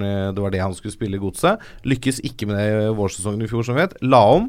Øh, og fikk en fantastisk høstsesong. Eh, jeg tror det kan være lønnsomt å vurdere, i hvert fall i hvalfangerbyen. Ja. Vi skal snakke mye mer om Eliteserien mot slutten av sendingen, når vi skal se nærmere på neste eliteserierunde. Jeg har lyst til å snakke litt om Jerv. Um, fordi vi har plukket opp en, en tweet fra Lars uh, Johansen, som er daglig leder i ØIF Arendal. En håndballmann med sansen for, eh, for Start og sørlandsfotball også. Han skriver at økonomiansvarlig i Jerv forklarer at administrasjonen har hatt problemer med å følge med på, med, med å følge med på økonomien, unnskyld, fordi datasystemet ikke har fungert. Underskudd på 3,6 millioner kroner og skylder på PC-trøbbel. God bedring. Hilsen Lars Johansen. Eh, hva, hva, hva, skal vi, hva skal vi si om dette? Vi kan jo støtte oss til eh, god bedring-utsagnet her. Det er jo ganske spesielt, eh, skulle jeg mene, å skylde på nye datasystemer for at du ikke har klart å følge med på at eh, du går 3,6 millioner i minus. Eh, den, den er tynn. Har de signert noen spillere som de kanskje har putta i en skuff, eller? Det, jeg tror jeg stiller meg bak uh, Wangstein sin uttalelse om at det er en meget tynn forklaring. Så vi, vi går videre. Er det noen som har et uh, fornuftig regnskapssystem, regnskapssystem å, å bidra med, så kan de sende holder, det det til ikke Jerv. med, holder ikke med X eller sånn? Det er ikke noe Pluss og minus. Og Åpenbart ikke. Åpenbart ikke. Vi går videre til Bodø-Glimt, som jo har uh, vår uh, kjære favoritt uh, Endre Kupen på skadelisten. Hvor lang tid? Sannsynligvis nesten hele sesongen, eller? Hele det sesongen, ja. Det, altså. Det, det, det, det. Det er leit, vet du. Det Det er veldig Endelig fått lov å. Endelig fått prøve seg høyere opp. Vi håper at han kommer seg Endre Kupen. Eh, god bedring til han. Eh, men nå har de signert en annen favoritt i dette studio. Spesielt eh, mm, Geir André Herrem er jo en av Kjernås sine favoritter. Eh, nå har han Han står med 36 mål på 68 kamper for Åsane de tre siste årene. Det er ryddige tall. Det må vi kunne si. Og så er det jo litt sånn når du er 30 år, Mm. så, så begynner man jo å tenke at ok, løpet for Eliteserien nå er gått. Men, eh, men ja. så er det også litt spesielt at det er Glimts nå hovedtrener. For Åsman Bjørkan har gått over en slags manager- eller sportsdirektørrolle. Det er jo Kjetil Knutsen som hentet Terrem til Åsane, som nå henter han til Glimt. Ja, og dette er jo sånt Altså, Bodø-Glimt ble satt i en liten skvis her da Coopen ble skada. Det blei et hull i stallen. Jeg vil ikke si at det ble et hull i startelveren, men det ble et hull i stallen med Coopen ute. Og da er det veldig lett for en trener å hente folk du kjenner. Han veit hva han får av Herrem. Og jeg tipper at eh, det er ganske klare signaler til Herrem på at eh, du kommer hit for å være med og styrke stallen. Du kommer ikke til å starte hver kamp, men du får spilletid. Eh, men vi trenger å fylle det hullet. Her får du sjansen til å få eliteserieerfaring. Og da er det trygt og godt for Knutsen å hente Herrem, tenker jeg. Jeg kjenner faktisk Herrem relativt godt. Det er jo en uh, Bryne-gutt. eh, og vi har vært eh, litt i samme omgangskrets i, i Stavanger. Han uh, er jo en, en goalgetter, først og fremst, som tallene som du uh, nevner her, beviser. Rask. sterk. han er en bra spiss, rett og slett. Han òg har jo hatt en litt spesiell karriere. Vært uh, linka mye til Viking, uh, Sandnes Ulf, eh, og så eh, har han takka nei til tilbud eh, eh, for å, i stedet for å dra til Tyskland i, i lavere divisjoner der, og vært i Estland. Så det er mye Det har vært mye det har vært en spesiell karriere. Men at han får sjansen nå Han kunne fått sjansen sikkert i Eliteserien som eh, 22-åring, f.eks., eh, men nå får han sjansen som 30-åring. Ehm, og det er, det er vel fortjent. Eh, han har stått på i, i Bergen nå siden han dro fra Bryne. Ehm, så jeg håper han lykkes der. Men ehm, det er klart, konkurransen er jo beinhard i Christian Fardal Opseth. Men kan han spille kant Ja, i 4-3-3? ja, han, han kan eh, bekle en eh, venstre kant i 4-3-3, det kan han Mm. absolutt. Eh, men eh, han, er, han er best eh, sentralt. eh. men han er en goalgetter, så han kan være fin å, å sette inn på eh, mot slutten av matcher. eh, og da kan han fort avgjøre, avgjøre de. Dette er toppfotball. Så har vi kommet til rundens øyeblikk. Her burde vi ha en slags jingle. Det må vi prøve å få på Hente inn. Arne igjen, så han kan lese den for oss. Ringe Arne Ball. Få han til å lese inn dette. Eventuelt ringe han på telefonen. Ja, ja, det løser seg. Um, eh, tanken bak denne spalten er at vi hver og en trekker fram et eh, spesielt øyeblikk, en hendelse eller et eller annet fra, fra forrige runde i Eliteserien og nedover helt ned til 9. divisjon. Ønsker du sjekkøyeblikk, eller eh, Både og. Kan både være bra ting, og det kan være ting vi syns er eh, vi blir forbanna på, eh, eller vi syns er trist. Mm. Eh, alle øyeblikk tas imot med takk. Og sitter du der hjemme eh, eller der borte eh, og hører på, på dette og tenker at du har noen øyeblikk som, som du må sende inn Den var tørr. Eh, mange takk. Mange takk. Eh, ha- sitter du der hjemme med noen, eh, noen øyeblikk fra lokalfotballen eller uh, store øyeblikk fra runde i Eliteserien eller lignende? Eller det lo lokale laget i femtedivisjon. Hva som skjedde, send det inn, da. Det trenger bare være en setning. Vi vil gjerne der, høre om det. Der kommer det til å komme mye bra når den sesongen begynner. Ja, Det håper jeg. Send det til toppfotball at 451.no. Vi gleder oss til å høre. Det er lov å bruke sosiale medier òg, altså. Uh, Facebook, Twitter og Instagram. Ja, Yes. Eh, la oss begynne med deg, Maxen. Uh, rundens uh, øyeblikk. Hva har du plukket ut? Ja, altså i, oss, I seg selv så er jo seriestarten et øyeblikk. Ja. Det er noe man går og gleder seg til hele vinteren. Eh, og som Vålerenga-supporter så gleder jeg meg spesielt eh, gledet jeg meg spesielt til mandag. eh, Med skrekkblandet fryd. Og Det var jo en eh, situasjon i den kampen der som jeg beit meg litt merke i. Det er jo straffesituasjonen til eh, hjemmelaget Kristiansund, som kommer da rett etter Vålerenga har tatt ledelsen.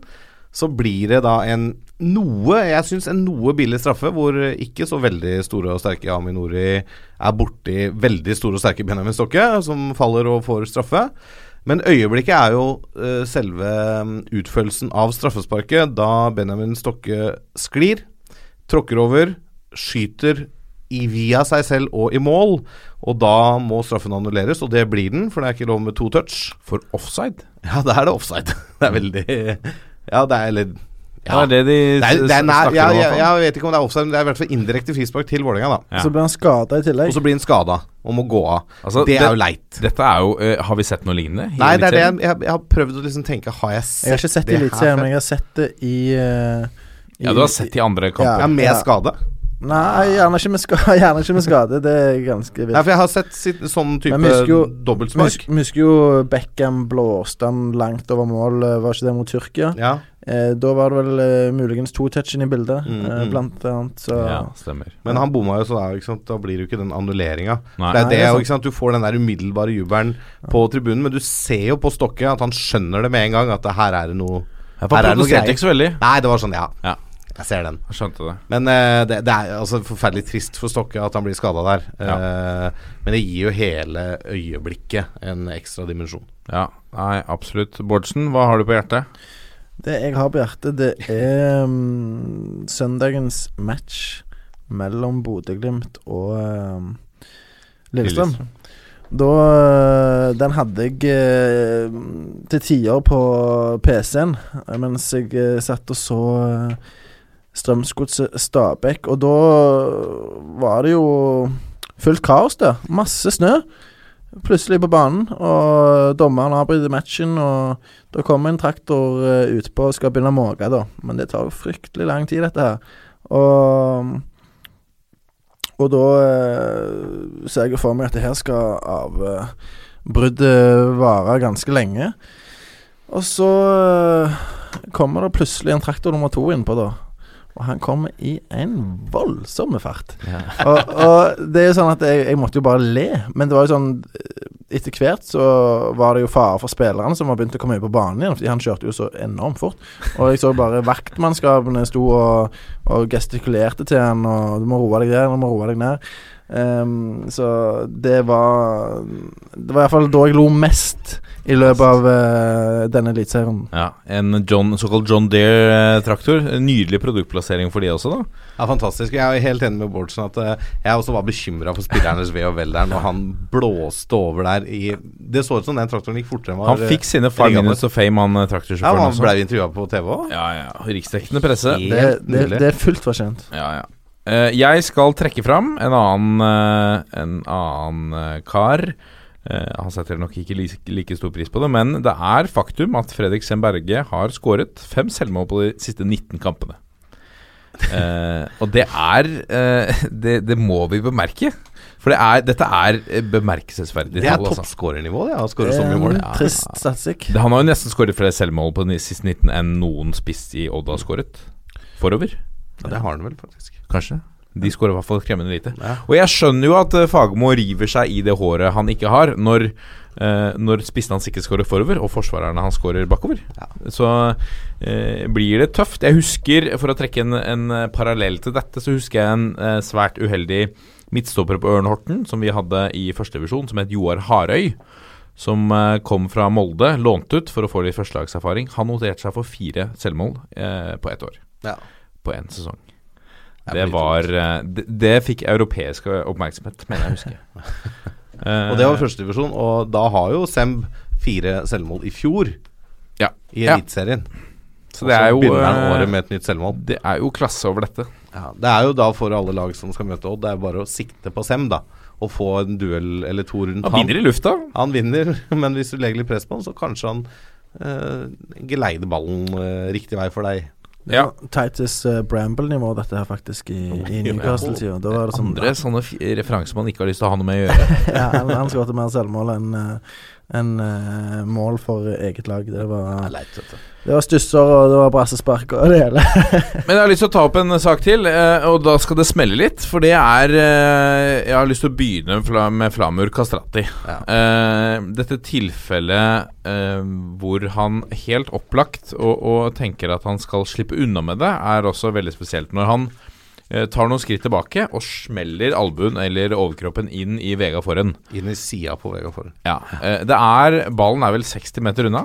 Ja, keeperen er på vei til å gjøre utspill. Det er så opplagt hva han eh, har lyst til å gjøre der, eh, og at eh, Ola Hobber Nilsen, eh, dommeren selv, etter å ha sett tilfellet på, på TV-skjermen, selv ikke da han sier at det fortsatt er det hensynsløs oppførsel som kun karakteriserer til gult kort. Ja, og det stusser jeg på. Det er jo feiltolkning av reglene Ja, det synes jeg, og det er helt eh, Altså, det her er et åpenbar sånn derre kastrati uh, hjernemistøyeblikk. Eh, som burde resultert i rødt kort. Ja. Nå kan han jo ikke straffes i etterkant, fordi at uh, dommerteamet har sett det. Hobber, Håvard Nilsen så en helt annen vei, så det, er- det er fjerdedommer eller assistentdommer som har tatt det. Uh, men det er dømt på. Han har fått det gule kortet, kan ikke etterprøves. Ja, Hvis det er veldig grovt, uh, leste jeg en uttalelse at hvis det var såpass Ja, okay. grovt, så kunne Ja, de gå hvis han skalla ned og Ja. sånn. Eh, og det er jo ok, greit nok. Uh, og så er situasjonen i seg selv Jeg syns det er helt håpløst å gjøre sånne ting for å prøve å sette ut liksom stopperen av spill. Ja, ja, det skal være litt sånn der skitne triks og litt uh, klyping og dra i drakta og sånn. Eh, kanskje tråkke litt på tåa når du går opp på en duell og sånn, men og liksom, det er så åpenbart med overlegg, da. At han står liksom og tenker 'nå skal jeg faen meg smelle til'. Ballen er ikke i spill engang. Og så dunker han vekk, liksom. Ja, vi, vi, jeg mener, vi kan ikke ha det sånn. Nei, jeg er helt Du, enig. du kan ikke holde på sånn. Altså, Det er- det er også og alt sånt, ja, og i, I tillegg å stå etterpå på TV og si at jeg bare gikk i kroppen på han. Ja. Da må du for pokker meg gå i deg sjæl og skjerpe deg, altså. Ja, jeg er helt jeg enig. håper at, uh, at dette blir tatt opp uh, internt i Sandefjord. Da Ja, det har det gjort. De har tatt opp internt, og nå nekter de å kommentere situasjonen lenger. ja. Nå er de ferdige å kommentere den, for dette. nå er det tatt opp, og de jeg snakka med De burde jo lagt et lokk Altså liksom har sagt, sagt at, at, dette er ikke er ikke holdbart. Dette er ikke verdig Sandefjord, Ja. burde hun sagt. Eh, og så står den også og sier at eh, hadde jeg slått, så hadde jeg slått på en annen måte, og da hadde den dette Ikke sant. Og det er også sånn der Det er så idioti å stå der med så fårete flir Ja. og si det, for da driter han seg bare enda mer ut. Og da kan vi godt gå rett til Kristiansund. Men til hans forsvar først, da. De har Ja. akkurat tapt 5-0. De har gjort en ræva kamp. De har Ja, hatt jeg tror jeg er pausen. Og dette er i pausen, ja. Han blir ok. intervjuet i Uan, pausen. uansett, da. De lå ikke an til å vinne den matchen. Nei, nei, det gjør de ikke. Nei. Men da hopper vi jo rett til uh, Coly i Kristiansund, da, som ja. kom i litt tumulter etter kampslutt. Uh, og får rødt kort for uh, et uh, forsøk på, eller et slag mot Sam Adekube, er det ikke det sånn du Ja. uttaler det? Ja. hvor Adekube får det gule kortet. Eh, han også sier i etterkant at hadde jeg slått, så hadde den liksom ligget rett ut. Det er ikke sånn jeg slår og sånn. Ja, men det er ikke sånn Du skal ikke si Nei. sånn, for du er et forbilde.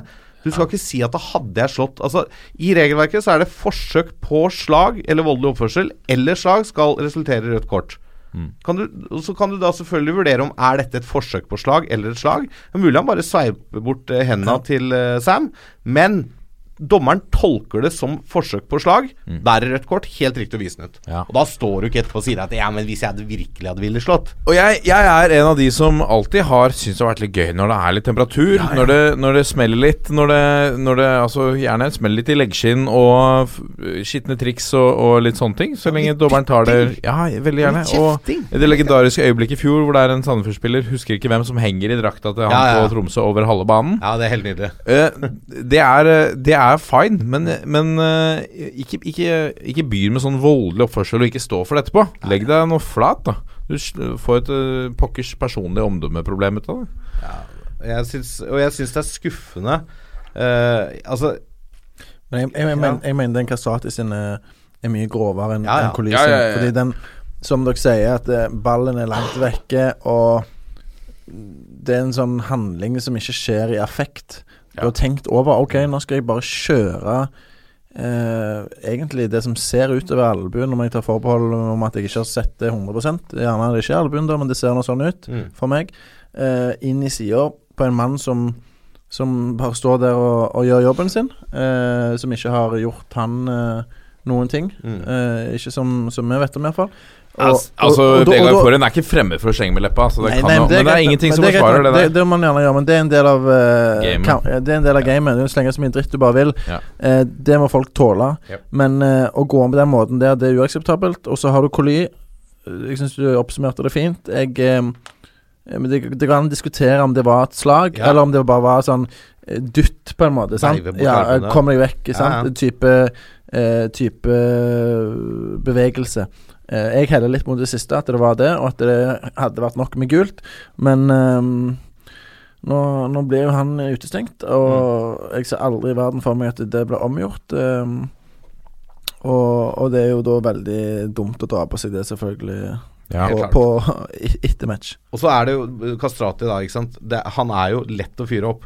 Det kan jo godt hende at det har smelt inn noen dueller i forkant som Jo, gjør at han blir forbanna, men det må han han lære seg å tåle. Ja. Og det er Men du ser at de tar hverandre i handa, han og, han og Foren, etter at uh, Foren har den etterpå. Jo, jo. Så det er jo på en måte De er jo gode busser Ja. eh, på et eller annet Ja, Baba Babakasa òg hadde en skikkelig Ja, han fikk eh, tatt igjen på vegne av ja. Foren, så det, så det jevna seg ut. Eh, la oss eh, forlate den spalten på en litt sånn oppsving. Eh, oppfordre alle der hjemme til å sende inn eh, tips til eh, rundens øyeblikk, hva du mener er rundens øyeblikk, til toppfotball at 451.no.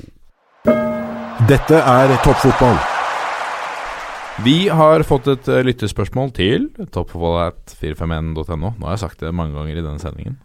Folka bør få med seg at det er e-postadressen vår. Hva da? Toppfotballat451.no? Tror det var det der? Ja, riktig. Sindre Taule Sandstå har sendt oss eh, mail på e-postadressen. Um, han lurer på hvem blir uh, toppskårer i årets eliteserie. Det er et bra spørsmål, for det har vi glemt å diskutere i tidligere episoder. Yes. Uh, jeg tror, hvis han blir hele sesongen i Rosenborg, at det blir Bentner i år også. Ja, ja, hvis han blir, ja. Ja? Men, men tror du han blir, da? Nei, det er det. Nei, ikke sant? Så hvem tror du blir toppskårer i årets eliteserie? Han blir Sørlund, da. Ja, riktig. Ja, ok. Bort, ja, å, ja. Ja. Jeg tror han kommer til å få ganske mye spilletid, selv om Bentner er førstevalget. Skjønner. Eh, jeg tror de kommer til å gjøre det sånn at de kan spille litt sammen også. Og det blir, kommer til å bli skåret mye mål i Trondheim, selv om de står med null skåringer fremover etter én helserunde Mm. Bårdsen? Ja, jeg tror jeg har en litt sånn skjult uh, variant her. Jeg tror det blir Christian Fardal Opseth. Oh, Det det er er veldig gøy. interessant. Om han eh, gikk i Namsskogs fotspor og Ja, jeg kan jo begrunne med at han skårte 28 mål i Obos-ligaen forrige sesong. Eh, det er veldig bra, og det, men det er ikke noen garanti for at han eh, eh, skal fortsette med det snittet, eller i nærheten av det snittet i Eliteserien, som er et eh, betraktelig høyere nivå. Men han er en goalgetter. Han kommer ikke til å slutte å skåre mål eh, eh, noen gang. Ehm, ehm, så er jo spørsmålet hvor mange putter han i Eliteserien. Han er allerede i gang med to. Eh, etter å ha trent i to uker. Han opererte begge lyskene etter forrige sesong. Og jeg prata faktisk med han på fredag, blir det, uh, for å høre status. Og da sa han at ja, formen er ikke 100% men jeg kan nå skåre mål for det, sant? så, så Han har innstillingen og Ja, personligheten. ja, ja, sant, men det er en ærlig sak, det. Han, han vet jo det. At han, han trenger ikke være 100% for å skåre mål, fordi at han skal Hans forse er jo at han er utrolig smart i boksen. Sant? Han, han beveger seg klokt. Han vet hva rom han må være i for å ha muligheten til å skåre mål. Ehm, det, hvis, hvis høyrekanten kommer rundt, så må du tenke som spiss sånn OK, hva rom kan jeg skåre i eh, når det innlegget her kommer? Sant? Og da må du bare være der og, og håpe ballen kommer der. Mm. Hvis du oppsøker andre stopperen, f.eks., eller stopper og sånn, så, så blir det mye vanskeligere. Det er noen som har den evnen der til, til å tenke sånn, og det ser det ut som fader Lopseth har. Mm. Eh, og så er jeg minner på dette her med Bentner Søderlund, som fort eh, bare får en halv sesong hver eh, med 90 minutter, sånn rundt det. Så har du Markus Pedersen, som så ut som eh, Jeg skulle ha din uh, toppskårer nå. Nå, nå ja, jeg, jeg, jeg, jeg beklager, jeg skal, ikke, jeg skal ikke si for mye om han. Nei. Men det som er tingen også, da, han så fantastisk ut mot Stabæk, men han ønsker jo å, å dra til utlandet i, i sommer for å sikre familien økonomisk, som Ja. han har sagt. OI, naturlig kandidat. Han òg skal sannsynligvis dra til sommeren. Sant? Så ja. Men Vanskelig. når det gjelder Fardal Opseth, jeg, jeg har så sans for sånne typer spisser. Ja, ja, Som skårer mål nesten De trenger ikke å være i toppform for å skåre. Du har noen spisser som må liksom være i toppslag for å finne skåringsmulighetene. Mm. Og så har du de typer spissene som skårer uansett. Mm. Uansett egentlig hvordan formen de er i, så klarer de å finne de riktige romma, tenke det riktige i boksen. ja, og det er ikke tilfeldig, sant? Nei. Og, og, Instinkt. Ja, men Instinkt å være på rett eh, plass til rett tid, Ja. og ikke på feil plass til feil tid, som du var på i Kollen i helga. Markstein. Jeg skal ta min toppskårer, for jeg er nødt til å gå videre. Uh, jeg har, eh, Der har jeg tenkt eh, Markus Pedersen.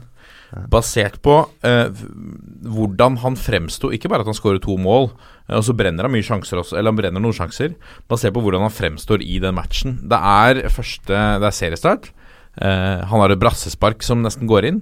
Ehm, han, han eh, Måten han også scorer eh, på Han setter de ballene han skal sette. Eh, med unntak av noen avslutninger, selvfølgelig. Og han får med seg ballen på den andre skåringen på en, på en elegant måte og gjør det han skal for å få ballen i mål. da og, og han ser friskere ut nå enn Altså, han var tidvis meget bra i fjor, Ja. men det var flere kamper jeg syns han var svak.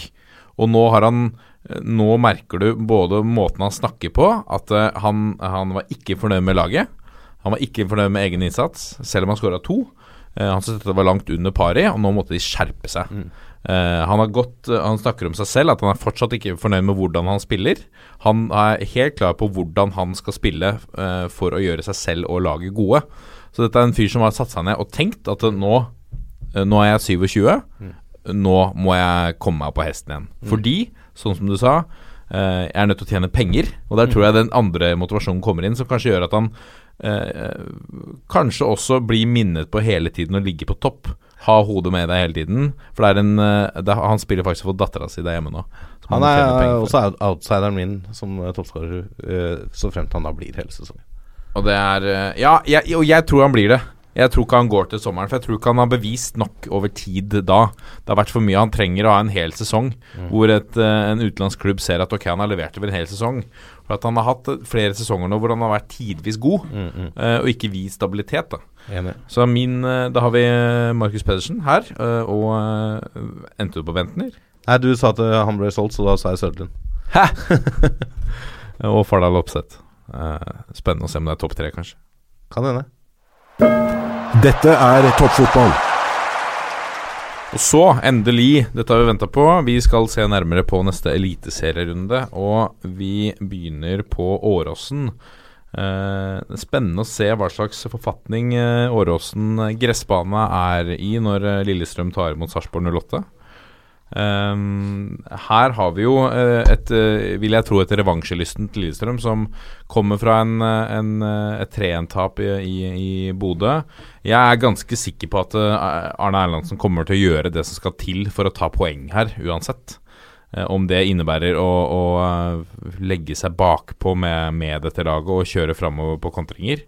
Eh, eller om, om de kommer til å stå litt høyere, er veldig usikker. Det som jeg er ganske sikker på, er at form, altså, taktikken til uh, eh, Han har sett ganske nøye på Sarpsborg 08-Rosenborg-kampen, og, og den samme inngangen til den kampen som de hadde der, med offensivt press, kommer ikke til å lønne seg like mye mot Lillestrøm. Eh, der kommer de til å møte en vegg, eh, er litt sånn jeg ser på det. Um, og så er det, eh, det Arenaene er jo i hvert fall ikke gressbane, er fortsatt ikke eh, klare for noe finspill. Um, og Sa- men Sarpsborg kommer fra, fra kampen mot Rosenborg. Um, fått en meget god start. Resultatet var aller best der, en jevn kamp. Uh, men de var jo tidvis Altså kanskje tidvis best i, i veldig mange uh, sekvenser i kampen, syns jeg.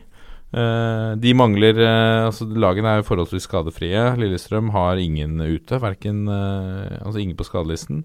Sarpsborg 08 mangler jo fortsatt Anders Kristiansen. Uh, og så klarte jo Aslak Falk seg ok uh, med de gangene han trengte å involvere seg, så det er ikke noe fare der. Jeg, jeg, tror, jeg tror faktisk Arne Erlandsen er fornøyd med en uavgjort i denne matchen. Og da tror, jeg det blir, da tror jeg det faktisk blir sånn som han bestemmer. Jo, men uh, Ja, det, men, jeg, men så, Lillestrøm har jo litt grann tak på Sarpsborg nå, spesielt da kanskje etter cupfinalen og litt sånn. Godt Så de har jo på en måte den selvtilliten inn i kampen. Og Ja. det Sarpsborg som er i kunstgresslag, kommer der på den litt uh, kjipe kanskje gressmatta. Uh, så jeg, jeg, jeg tror Lillestrøm kan fort finne på å vinne den kampen her. Men jeg må få lov Jeg har en liten høne å plukke med Arne Erlandsen allikevel, etter forrige serierunde. For måten han tok dette avbruddet i, i Bodø på, det syns jeg var eh, svak led ledelse av han.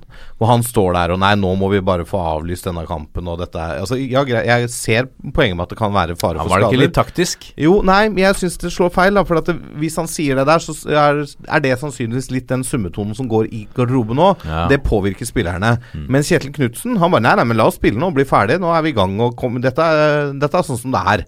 Ikke sant? Mye mer offensiv i holdningen, og det mener jeg du så på spilleren òg.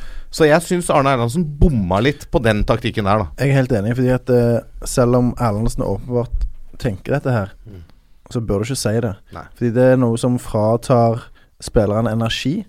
OK, han har ikke lyst til å spille. Uh, derav vi har ikke lyst til å spille. Uh, Fader, for noe drittopplegg dette her er. Mm. Møkkabane med snø, jeg fryser, jeg er kald, jeg må ut og varme opp en gang til. Helvetes NFF. Sant? Alt sånne tanker får du plutselig da som spiller. Gjerne ikke alle som tenkte på NFF, men likevel. Um, og da påvirker det deg negativt. Selvfølgelig kunne de vunnet den matchen for det om, men um, hvis du prøver å snu det noe positivt, selv om du gjerne ikke helt føler det sånn sjøl, um, så vil det alltid være mye bedre. Ja. eh, Thomas Lene Olsen, fått hull på bilen allerede. Ja. Første kamp. Kan bli viktig. Ha en spiss som, som, uh, ha en spiss som scorer litt jevnt og trutt. Uh, Det er jo store forventninger til Lillestrøm mm. i år. ja, vi har jo forventet veldig mye av det i år. Ja, men så er det skummelt, da, eller ekkelt, når du går på et tap i første seriematch, gjerne i en kamp de sjøl forventa at de skulle vinne, eh, selv om det er ikke lett å komme til Bodø, og det tror jeg ikke det vil, vil være denne sesongen. Eh, men nå møter de en meget tøff motstander i, i match nummer to, og jeg tror nok eh, det er fort at det sniker seg inn noen tanker sånn shit. Hvis vi taper igjen her nå, da begynner det å se litt mørkt ut, og så begynner du å tvile litt på hverandre. Det er ikke så veldig mye mer enn det som skal til. Um, og, og Lillestrøm uh, har, har slitt i sesongstartene noen år her tidligere òg, så um, jeg tror de er veldig, veldig spente. Men Sarpsborg kommer nå med fulle av selvtillit. Og så er det jeg er mest spent på, det er om Lillestrøm går ut med sånn uh, sjokkpress som de gjorde i cupfinalen, som er den kuleste matchen jeg så yeah. de spille i fjor. Da likte jeg Lillestrøm veldig godt. Eh, og jeg, eh, jeg eh, gleder meg til å se hva, hva Erlandsen uh, velger å gjøre denne gangen. Ja. Vi skal til Lerkendal Wangstein. Vangstein. Ja. Uh, Rosenborg tar imot Kristiansund. eh, et bortelag her som vel kan alle supportersangene til hjemmelaget. ja, det er nesten et slags lokaloppgjør, det her, da. Ja. Eh, på mange måter. Og det sies jo at de fleste fra Kristiansund har jo på en måte Rosenborg som sitt eh, favorittlag nummer to nå, i hvert fall etter Kristiansund rykka opp. Men da de vasa litt lenger ned i divisjonen, så var det liksom Rosenborg som var laget der på Nordmøre. Eh, husker jo alle i fjor da de stilte opp med Odd Iversen-skjerf og flagg, og det, det var ikke måte på. Og som du sier, kan de fleste sangene der.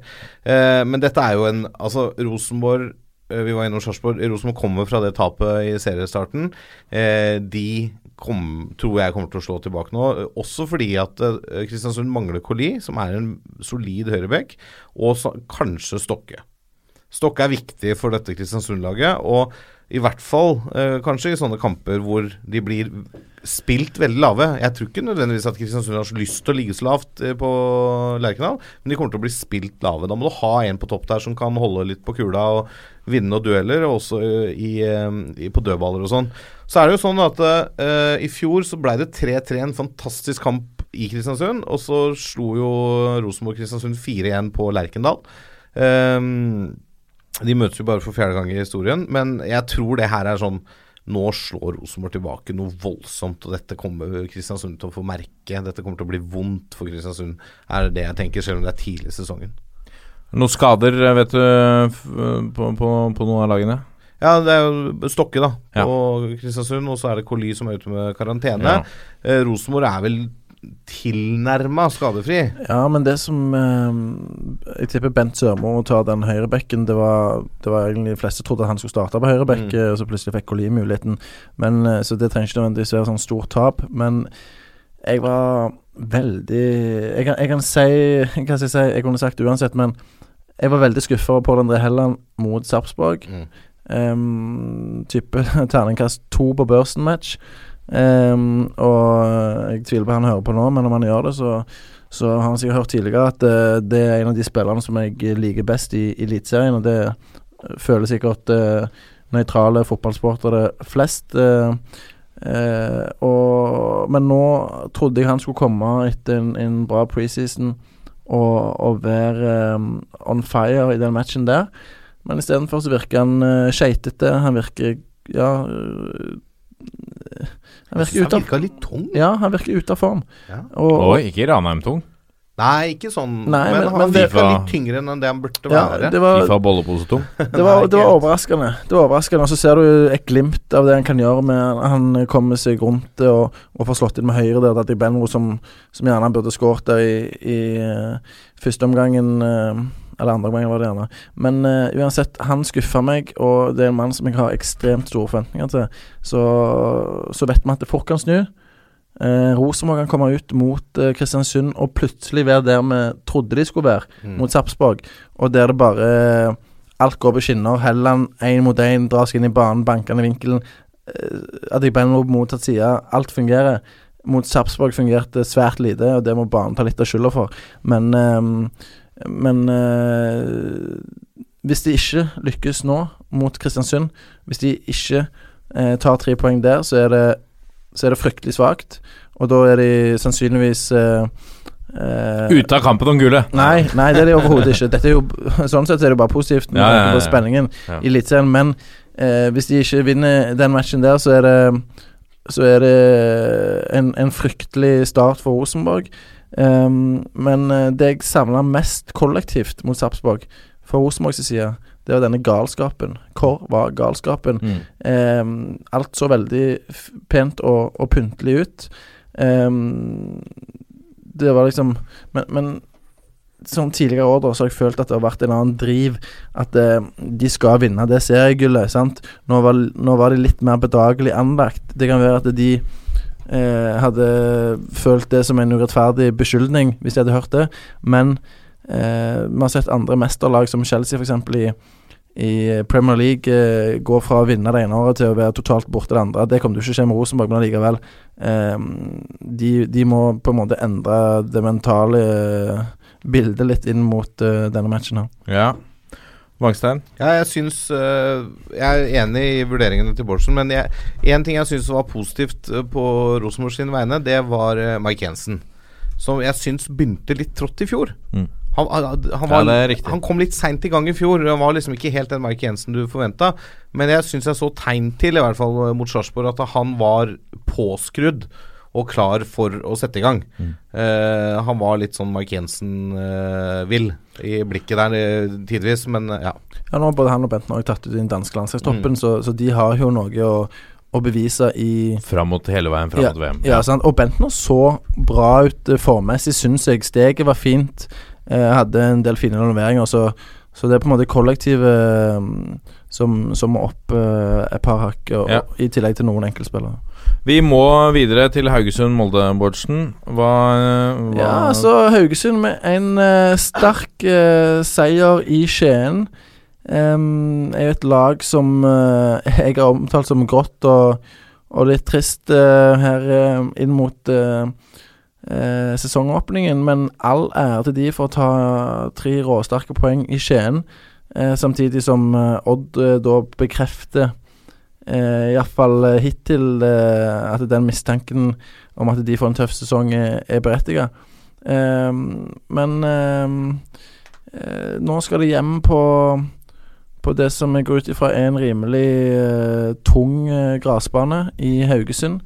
Eh, et sted Molde mm, har må, måttet jobbe hardt for poengene sine historisk eh, sett. Ehm, men Molde kom jo fra 5-0 mot Sandefjord og en, en drømmestart på sesongen med flust av gode alternativer på benken, i tillegg til de som eh, presterte i elveren. Eh, Thomas Amang, plutselig et nytt eh, spissfunn, kan være, i hvert fall. Eh, Skårte sist mot Sandefjord. Det samme gjorde eh, Brustad.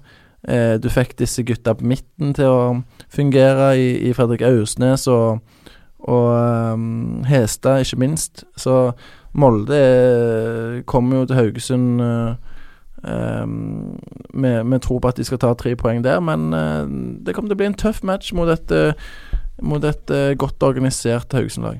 Ja, fordi du nevner jo eh, Altså, de eh, De har en bredde i salen nå, Molde, som er eh, veldig sterk. Og, og, og eh, nå startet jo eh, med Chima Chukwu, Tobias Svendsen, som mange har store forventninger til. Erling Braut Haaland, selvfølgelig, på, på benken.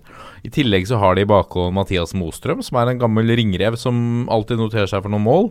Og unge, spennende Leo Shiri Schiri Østegård. Ja, han, han har blitt ja, han Ja, han har gått på lån til Viking. Ja, det stemmer. Det stemmer. Um, Men ellers, ja. Ja, e e ellers alt, eh, alt riktig. Eh, vi går videre til Brann uh, Bodø-Glimt. uh, og Brann som er klare for eh, seriestart. Ja. Fikk plutselig lov å starte på hjemmebane. Ja, Skulle det- egentlig ikke det. Nei, ikke sant? Det er uh, Jeg går ut fra at Bergen er feststemt og, og klare. De har jo vært Altså eh, Kanskje de tar med seg en, en positiv nyhet i at eh, en mann som Gilly Rolandsson nå eh, har signert ny kontrakt og blir i Brann, som er gledelig. Det var jo ryktes om at han skulle bort. eh, som var en, en tidvis, i hvert fall, hvert fall på vårsesongen, veldig viktig mann for Brann. Uh, Steffen Lie Skålevik. vi, vi snakket om Det er jo ikke sikkert at de stiller med nøyaktig samme lag som skulle starte mot Ranheim, men, men uh, han var inne i, i, fra start der og har sett veldig, veldig bra ut. Så langt i preseason. Han var jo usikker før Ranheim-kampen, så Yes. nå har han fått en uke til med å bli Enda enda, frisk og enda mer klar. Så det er jo ikke feil for Brann. Nei, også, men så har du en eh, Daniel Bråten Nå sier jeg én, én Daniel Bråten. som, som jo mangler eh, kamptrening. Uh, David Vega er ute med lårstrekk. Uh, Amer Ordagic er en eh, ukjent mann for meg, men det er en eh, mann med Spennende drakt nummer type. ti. Ja, Spennende type. Han er sånn eh, Jeg har samlet en tidligere i vinter med Mike Jensen. ja. Um, jeg har ikke sett ham nok til å kunne på en måte konkludere med at det, eh, det, det er sånn han er, men det var i hvert fall sånn han framsto for meg, som en type som eh, Litt sånn Fredrik Midtjø som flink til å oppsøke mellomrommet og, og ta med seg ballen og, og jobbe som typisk interløper. Noterer meg for at han, at han har fått drakt nummer ti, i hvert fall. Så det er jo tydelig at det er ikke noe Det er ikke sikkert det er en eh, stallmann. Um, Er så- både Acosta og Wormgård klare? Eh, ja, begge var. Begge klare Ja, okay, ja. ja. Det er jo solid. På Bodø-Glimt så er Jens Petter Hauge eh, sliter litt med en skade i leggen, er usikker. Eh, I tillegg til eh, José Isidoro, eh, nykommeren, forsvarsspilleren, som er ute. Eh, ellers så er de eh, klare til kamp. Stiller vel proppfulle av selvtillit, tenker jeg. Med Kristian Fardal Opseth, som vi har snakket mye om nå. Fått hull på bylen. I gang med, med to, to skåringer. Eh, men men Brann borte er en meget i en seriestart er en, eh, er en meget tøff match for, eh, for Bodø. Mm. Men samtidig så er det kan du tenke at det er litt fordel Bodø at Brann ikke har spilt serieåpninga. For det, den første kampen i året er alltid litt sånn ta og føle på. Enten så får du en Molde-forløsning og ketsjupflaska åpner seg, eller så er det litt mer sånn som Vålerenga med ekstremt mye rare balltap og en rotete kamp, da. Veldig ofte er serieåpninga av det. Ja. Uh, den har jo på en måte Bodø-Glimt vært ferdig med. Samtidig så pusha Brann-leiren ganske godt på for å få utsatt den matchen mot Ranheim Mm. gjennom hele uka og på kampdag òg. Uh, eh, det kan jo selvfølgelig ha sammenheng med at eh, de hadde mye rusk i, i dette berømte maskineriet. Eh, og det var mange spillere som hadde litt skavanker, som uh, var, til, var tilbake på trening først uh, forrige torsdag, var to dager før match. Ehm, nå har jo de fått uh, tid på seg til å, til å mm, nærme seg å være matchfit 100 eh, Og det er jo en stor fordel. Og så er det dette her med gras da for uh, Bodø-Glimt som blir en utfordring, i og med at de vanligvis spiller på kunstgress. Mhm. Tromsø, da. Må, de er jo virkelig nødt til å reise kjerringa, Bårdsen. Eh, det er ikke enkelt med godset på besøk. Nei, det, jeg, jeg klarer ikke å se noe annet enn en uh, Strømsgodset-seier det oppgjøret etter å ha sett uh, begge de lagene i reaksjon i, i første seierrunde. Eh, Tromsø har jeg prata om, så de trenger ikke si noe, noe mer om. Syns Strømsgodset gjør en eh, brukbar match. Eh, det er jo litt sånn rotete. Det, de gir fra seg litt mye rom. Eh, De blir litt for sånn um, uh, Litt for udisiplinerte på en måte. Uh, det står uh, eh, De klarer ikke å holde lagdelene samla, og offensivt så når jeg sitter litt på det, så syns jeg at det, det blir veldig sånn eh, detaljert, dette her. Men jeg syns f.eks. at eh, Erik Ulland Andersen, som for øvrig er ute i, i denne matchen her fordi han skal opereres for, en, for noen lyskeproblemer eh, i Tyskland eh, Jeg syns Ulland Andersen og, og Tokmak som kanter, de, går, de gikk altfor tidlig inn i banen, og så ble de bare stående i det rommet som de egentlig bør eh, komme inn i fart i eh, for å få ballen. Og så eh, var jo tanken at de skal komme inn i banen, og så skal bekkene komme rundt. Eh, og da overbefolker jo Godset eh, Stabæks banehalvdel og, og kan doble på kant og sånn, men det ble litt for statisk. Eh, litt for dårlig rytme. Um, og så tror jeg jo Skullerud vil ha fokus på å, å stramme opp uh, det defensive, sånn at det, uh, de ikke gir fra seg så mange balltap uh, som gjerne var den største grunnen til at de fikk såpass mange kontringer imot, som Boli og, og Ohi livnærer seg på i, i, en sånn type match. Francisco Junior hadde en, en, tung dag på jobben, ble byttet ut i pausen for Henning Haugård. Det fungerte bedre. Det fungerte bedre, ja. Og, og junior han gikk seg inn i problemer med ballen eh, helt unødvendig, og, og, hadde noen andre stygge feilpasninger som som, um, som ja, virket helt unødvendig. Så um, Hauger starter vel fort igjen der. Eh, og så er det jo interessant å se om Moss kommer inn for en Ulland Andersen som er ute av det oppgjøret. Eh, det kan skje.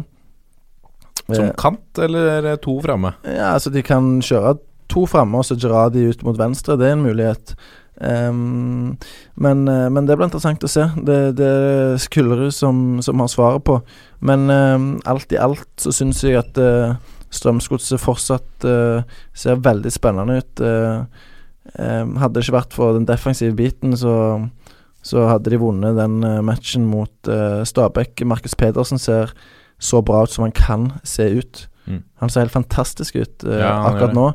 Uh, som du har vært inne på tidligere her i, i, i podkasten, at han eh, han eh, stemmer altfor, egentlig. Mm. Så han tror jeg fort kan dunke inn et par nye kasser mot uh, Tromsø. Og jeg ser for meg at vi ser et enda mer disiplinert godselag som, som drar til Alfheim og, og vinner den matchen. Mm -hmm. Det blir eh, spennende å se. Om det blir eh, to spisser fra start, eller om det er eh, Pedersen som gjør jobben alene igjen. Uh, gjenstår én kamp, uh, Vangstad, fordi at Stabæk Start uh, og Sandefjord Ranheim er utsatt til henholdsvis uh, 26.4 og 11.4. Mm. Men på Intility Arena så tar Vålerenga imot Odd. Ja. Og den kampen går nok som planlagt.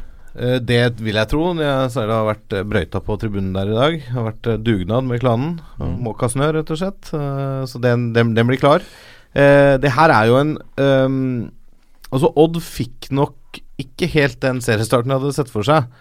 Eh, for Haugesund hjemme er en kamp som Odd uh, nok uh, regna med og burde ha vunnet uh, sånn fra uh, før kampstart. vi har vel tippa begge to ganske langt ned på tabellen, og da er det viktig å slå sånne lag innbyrdes.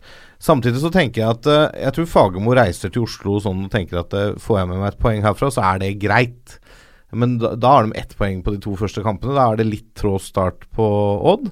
Eh, men eh, Odd har vunnet i Oslo før og kan finne på å vinne igjen. Eh, men eh, det er jo dette her Altså, Fredrik Sem eh, ble bytta ut to minutter etter selvmålet fordi han hadde vært syk opp mot kampen. Så det blir spennende å se om han blir klar til, eh, til søndagen.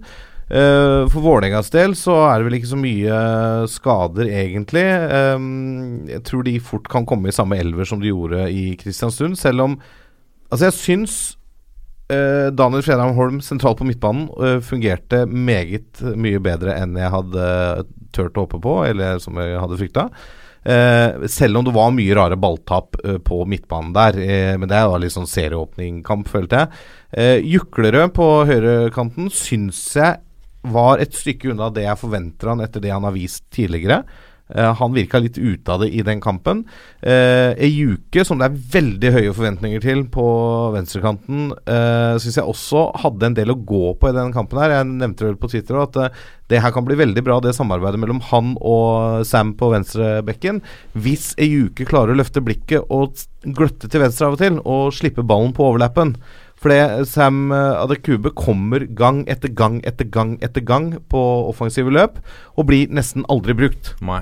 For det- Juke Juke fikk jo en smell nå mot uh, Kristiansund også. Ja, han fikk en smell, men jeg tror det er bare sånn en smell. Ja. Er Sånn som skjer.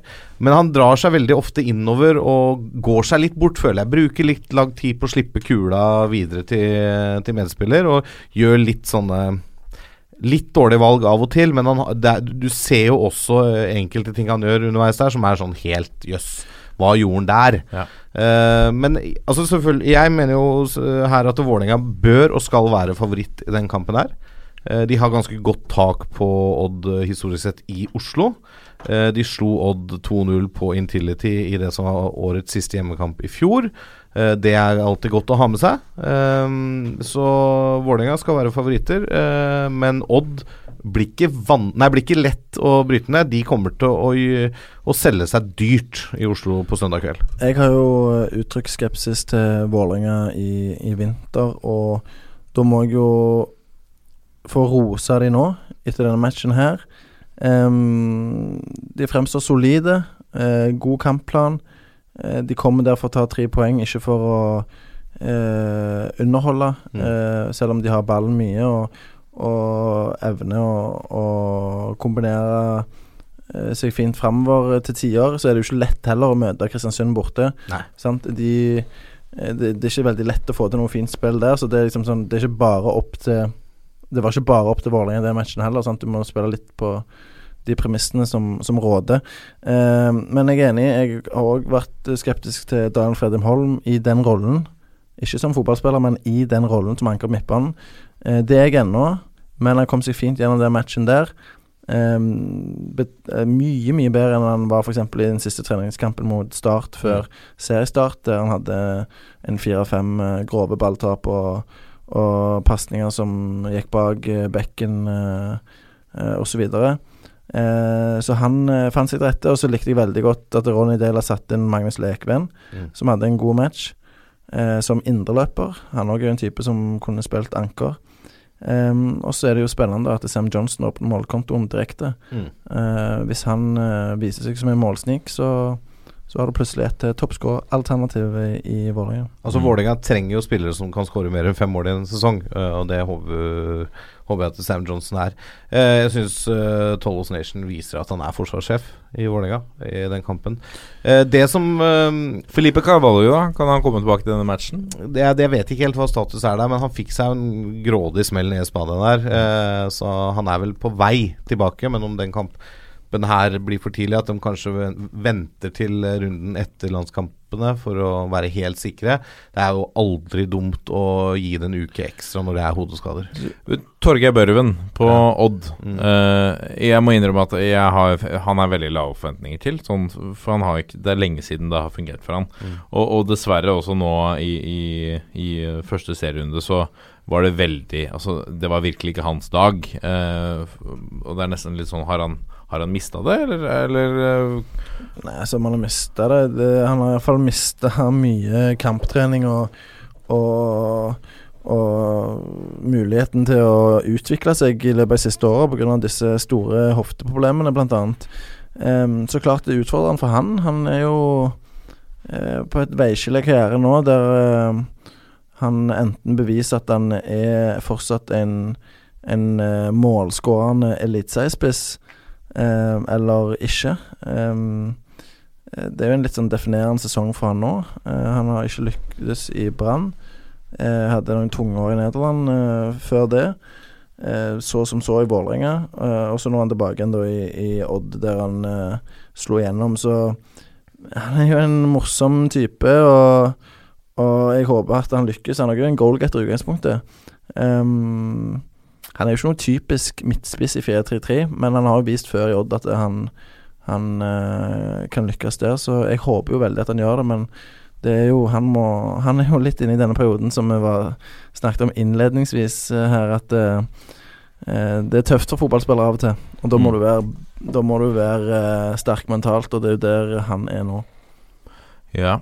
Det Ja. Ja, En ting jeg har lyst til å si om Vålerenga som jeg syns var veldig positivt i den eh, første kampen, det var evnen og viljen til å drepe kampen på slutten her og være litt mer kyniske enn Vålerenga kanskje har vært tidligere. For Vålerenga har vært et lag som veldig ofte har fått noen sånne dumme eh, baklengsmål på slutten av kampen og tapt poeng på det. Ok, jeg kan godt si at det var litt sånn unfair play, at det ble litt mye sånn eh, tilfeldige Var det ikke eh, seks minutter tillegg? jo, det, Eh, det ble egentlig lagt til tre, men det var jo fire, da. For det, det ble feil på grafikken til Eurosport. Eh, og så la han til to minutter ekstra. Men altså, det er en del av fotballen. Eh, og det, jeg tror at det, flere av de krampene var reelle. For det, det er første serierunde på en litt hard uh, kunstgressmatte.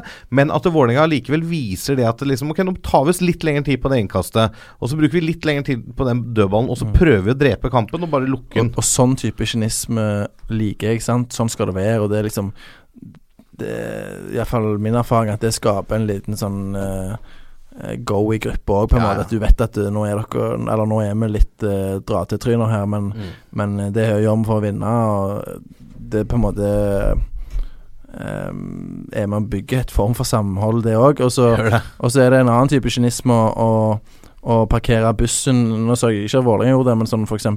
Mourinho har blitt beskyldt for sånn, da. Mm. Og det syns jeg jo er en fryktelig type fotball å se på.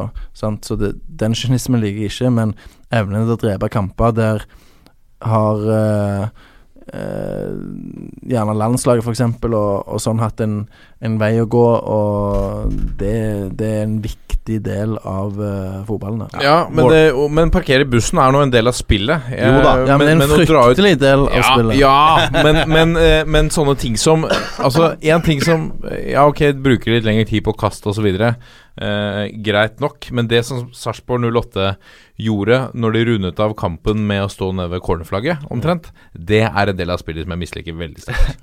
Da er det, da er det en, en, en bit inni meg som håper at det kommer en eller annen og meier en av de ned. Ja, men det, da er det jo bare Da blir det tenning og fyr i teltet, da. Du gjør, ja, du gjør det eh, rundt det 90. minutt, sant? Det er ikke sånn at du Det er, det er, noe piss. Det kommer jeg aldri til å like, like, men- uansett hvem det er. Men den med Ja, hvis det er, vi møter Brasil igjen og vi gjør det nede på cornerflagget, Altså, så jeg synes syns det det er helt greit å parkere bussen de siste fem, seks, sju, ti minuttene. Det Ja. Men, Men å hold parkere bussen fra, fra første sekund, det er noe helt annet.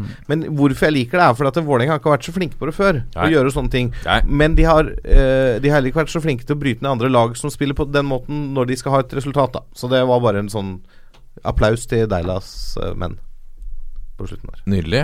Det blir spennende å se om du følger det opp hjemme, da. Ja, de Deila bør det. Og hans menn. Ja. Det var det vi hadde for eh, denne uken. Eh, vi gleder oss jo til eh, neste uke igjen, hvor vi Å, nå er det, nå er det mye spennende, spennende ting foran oss. Eliteserien er så vidt sparket i gang. Og i begynnelsen av april kommer Obos, og en uke senere kommer PostNord. Og etter det kommer tredjevisjon.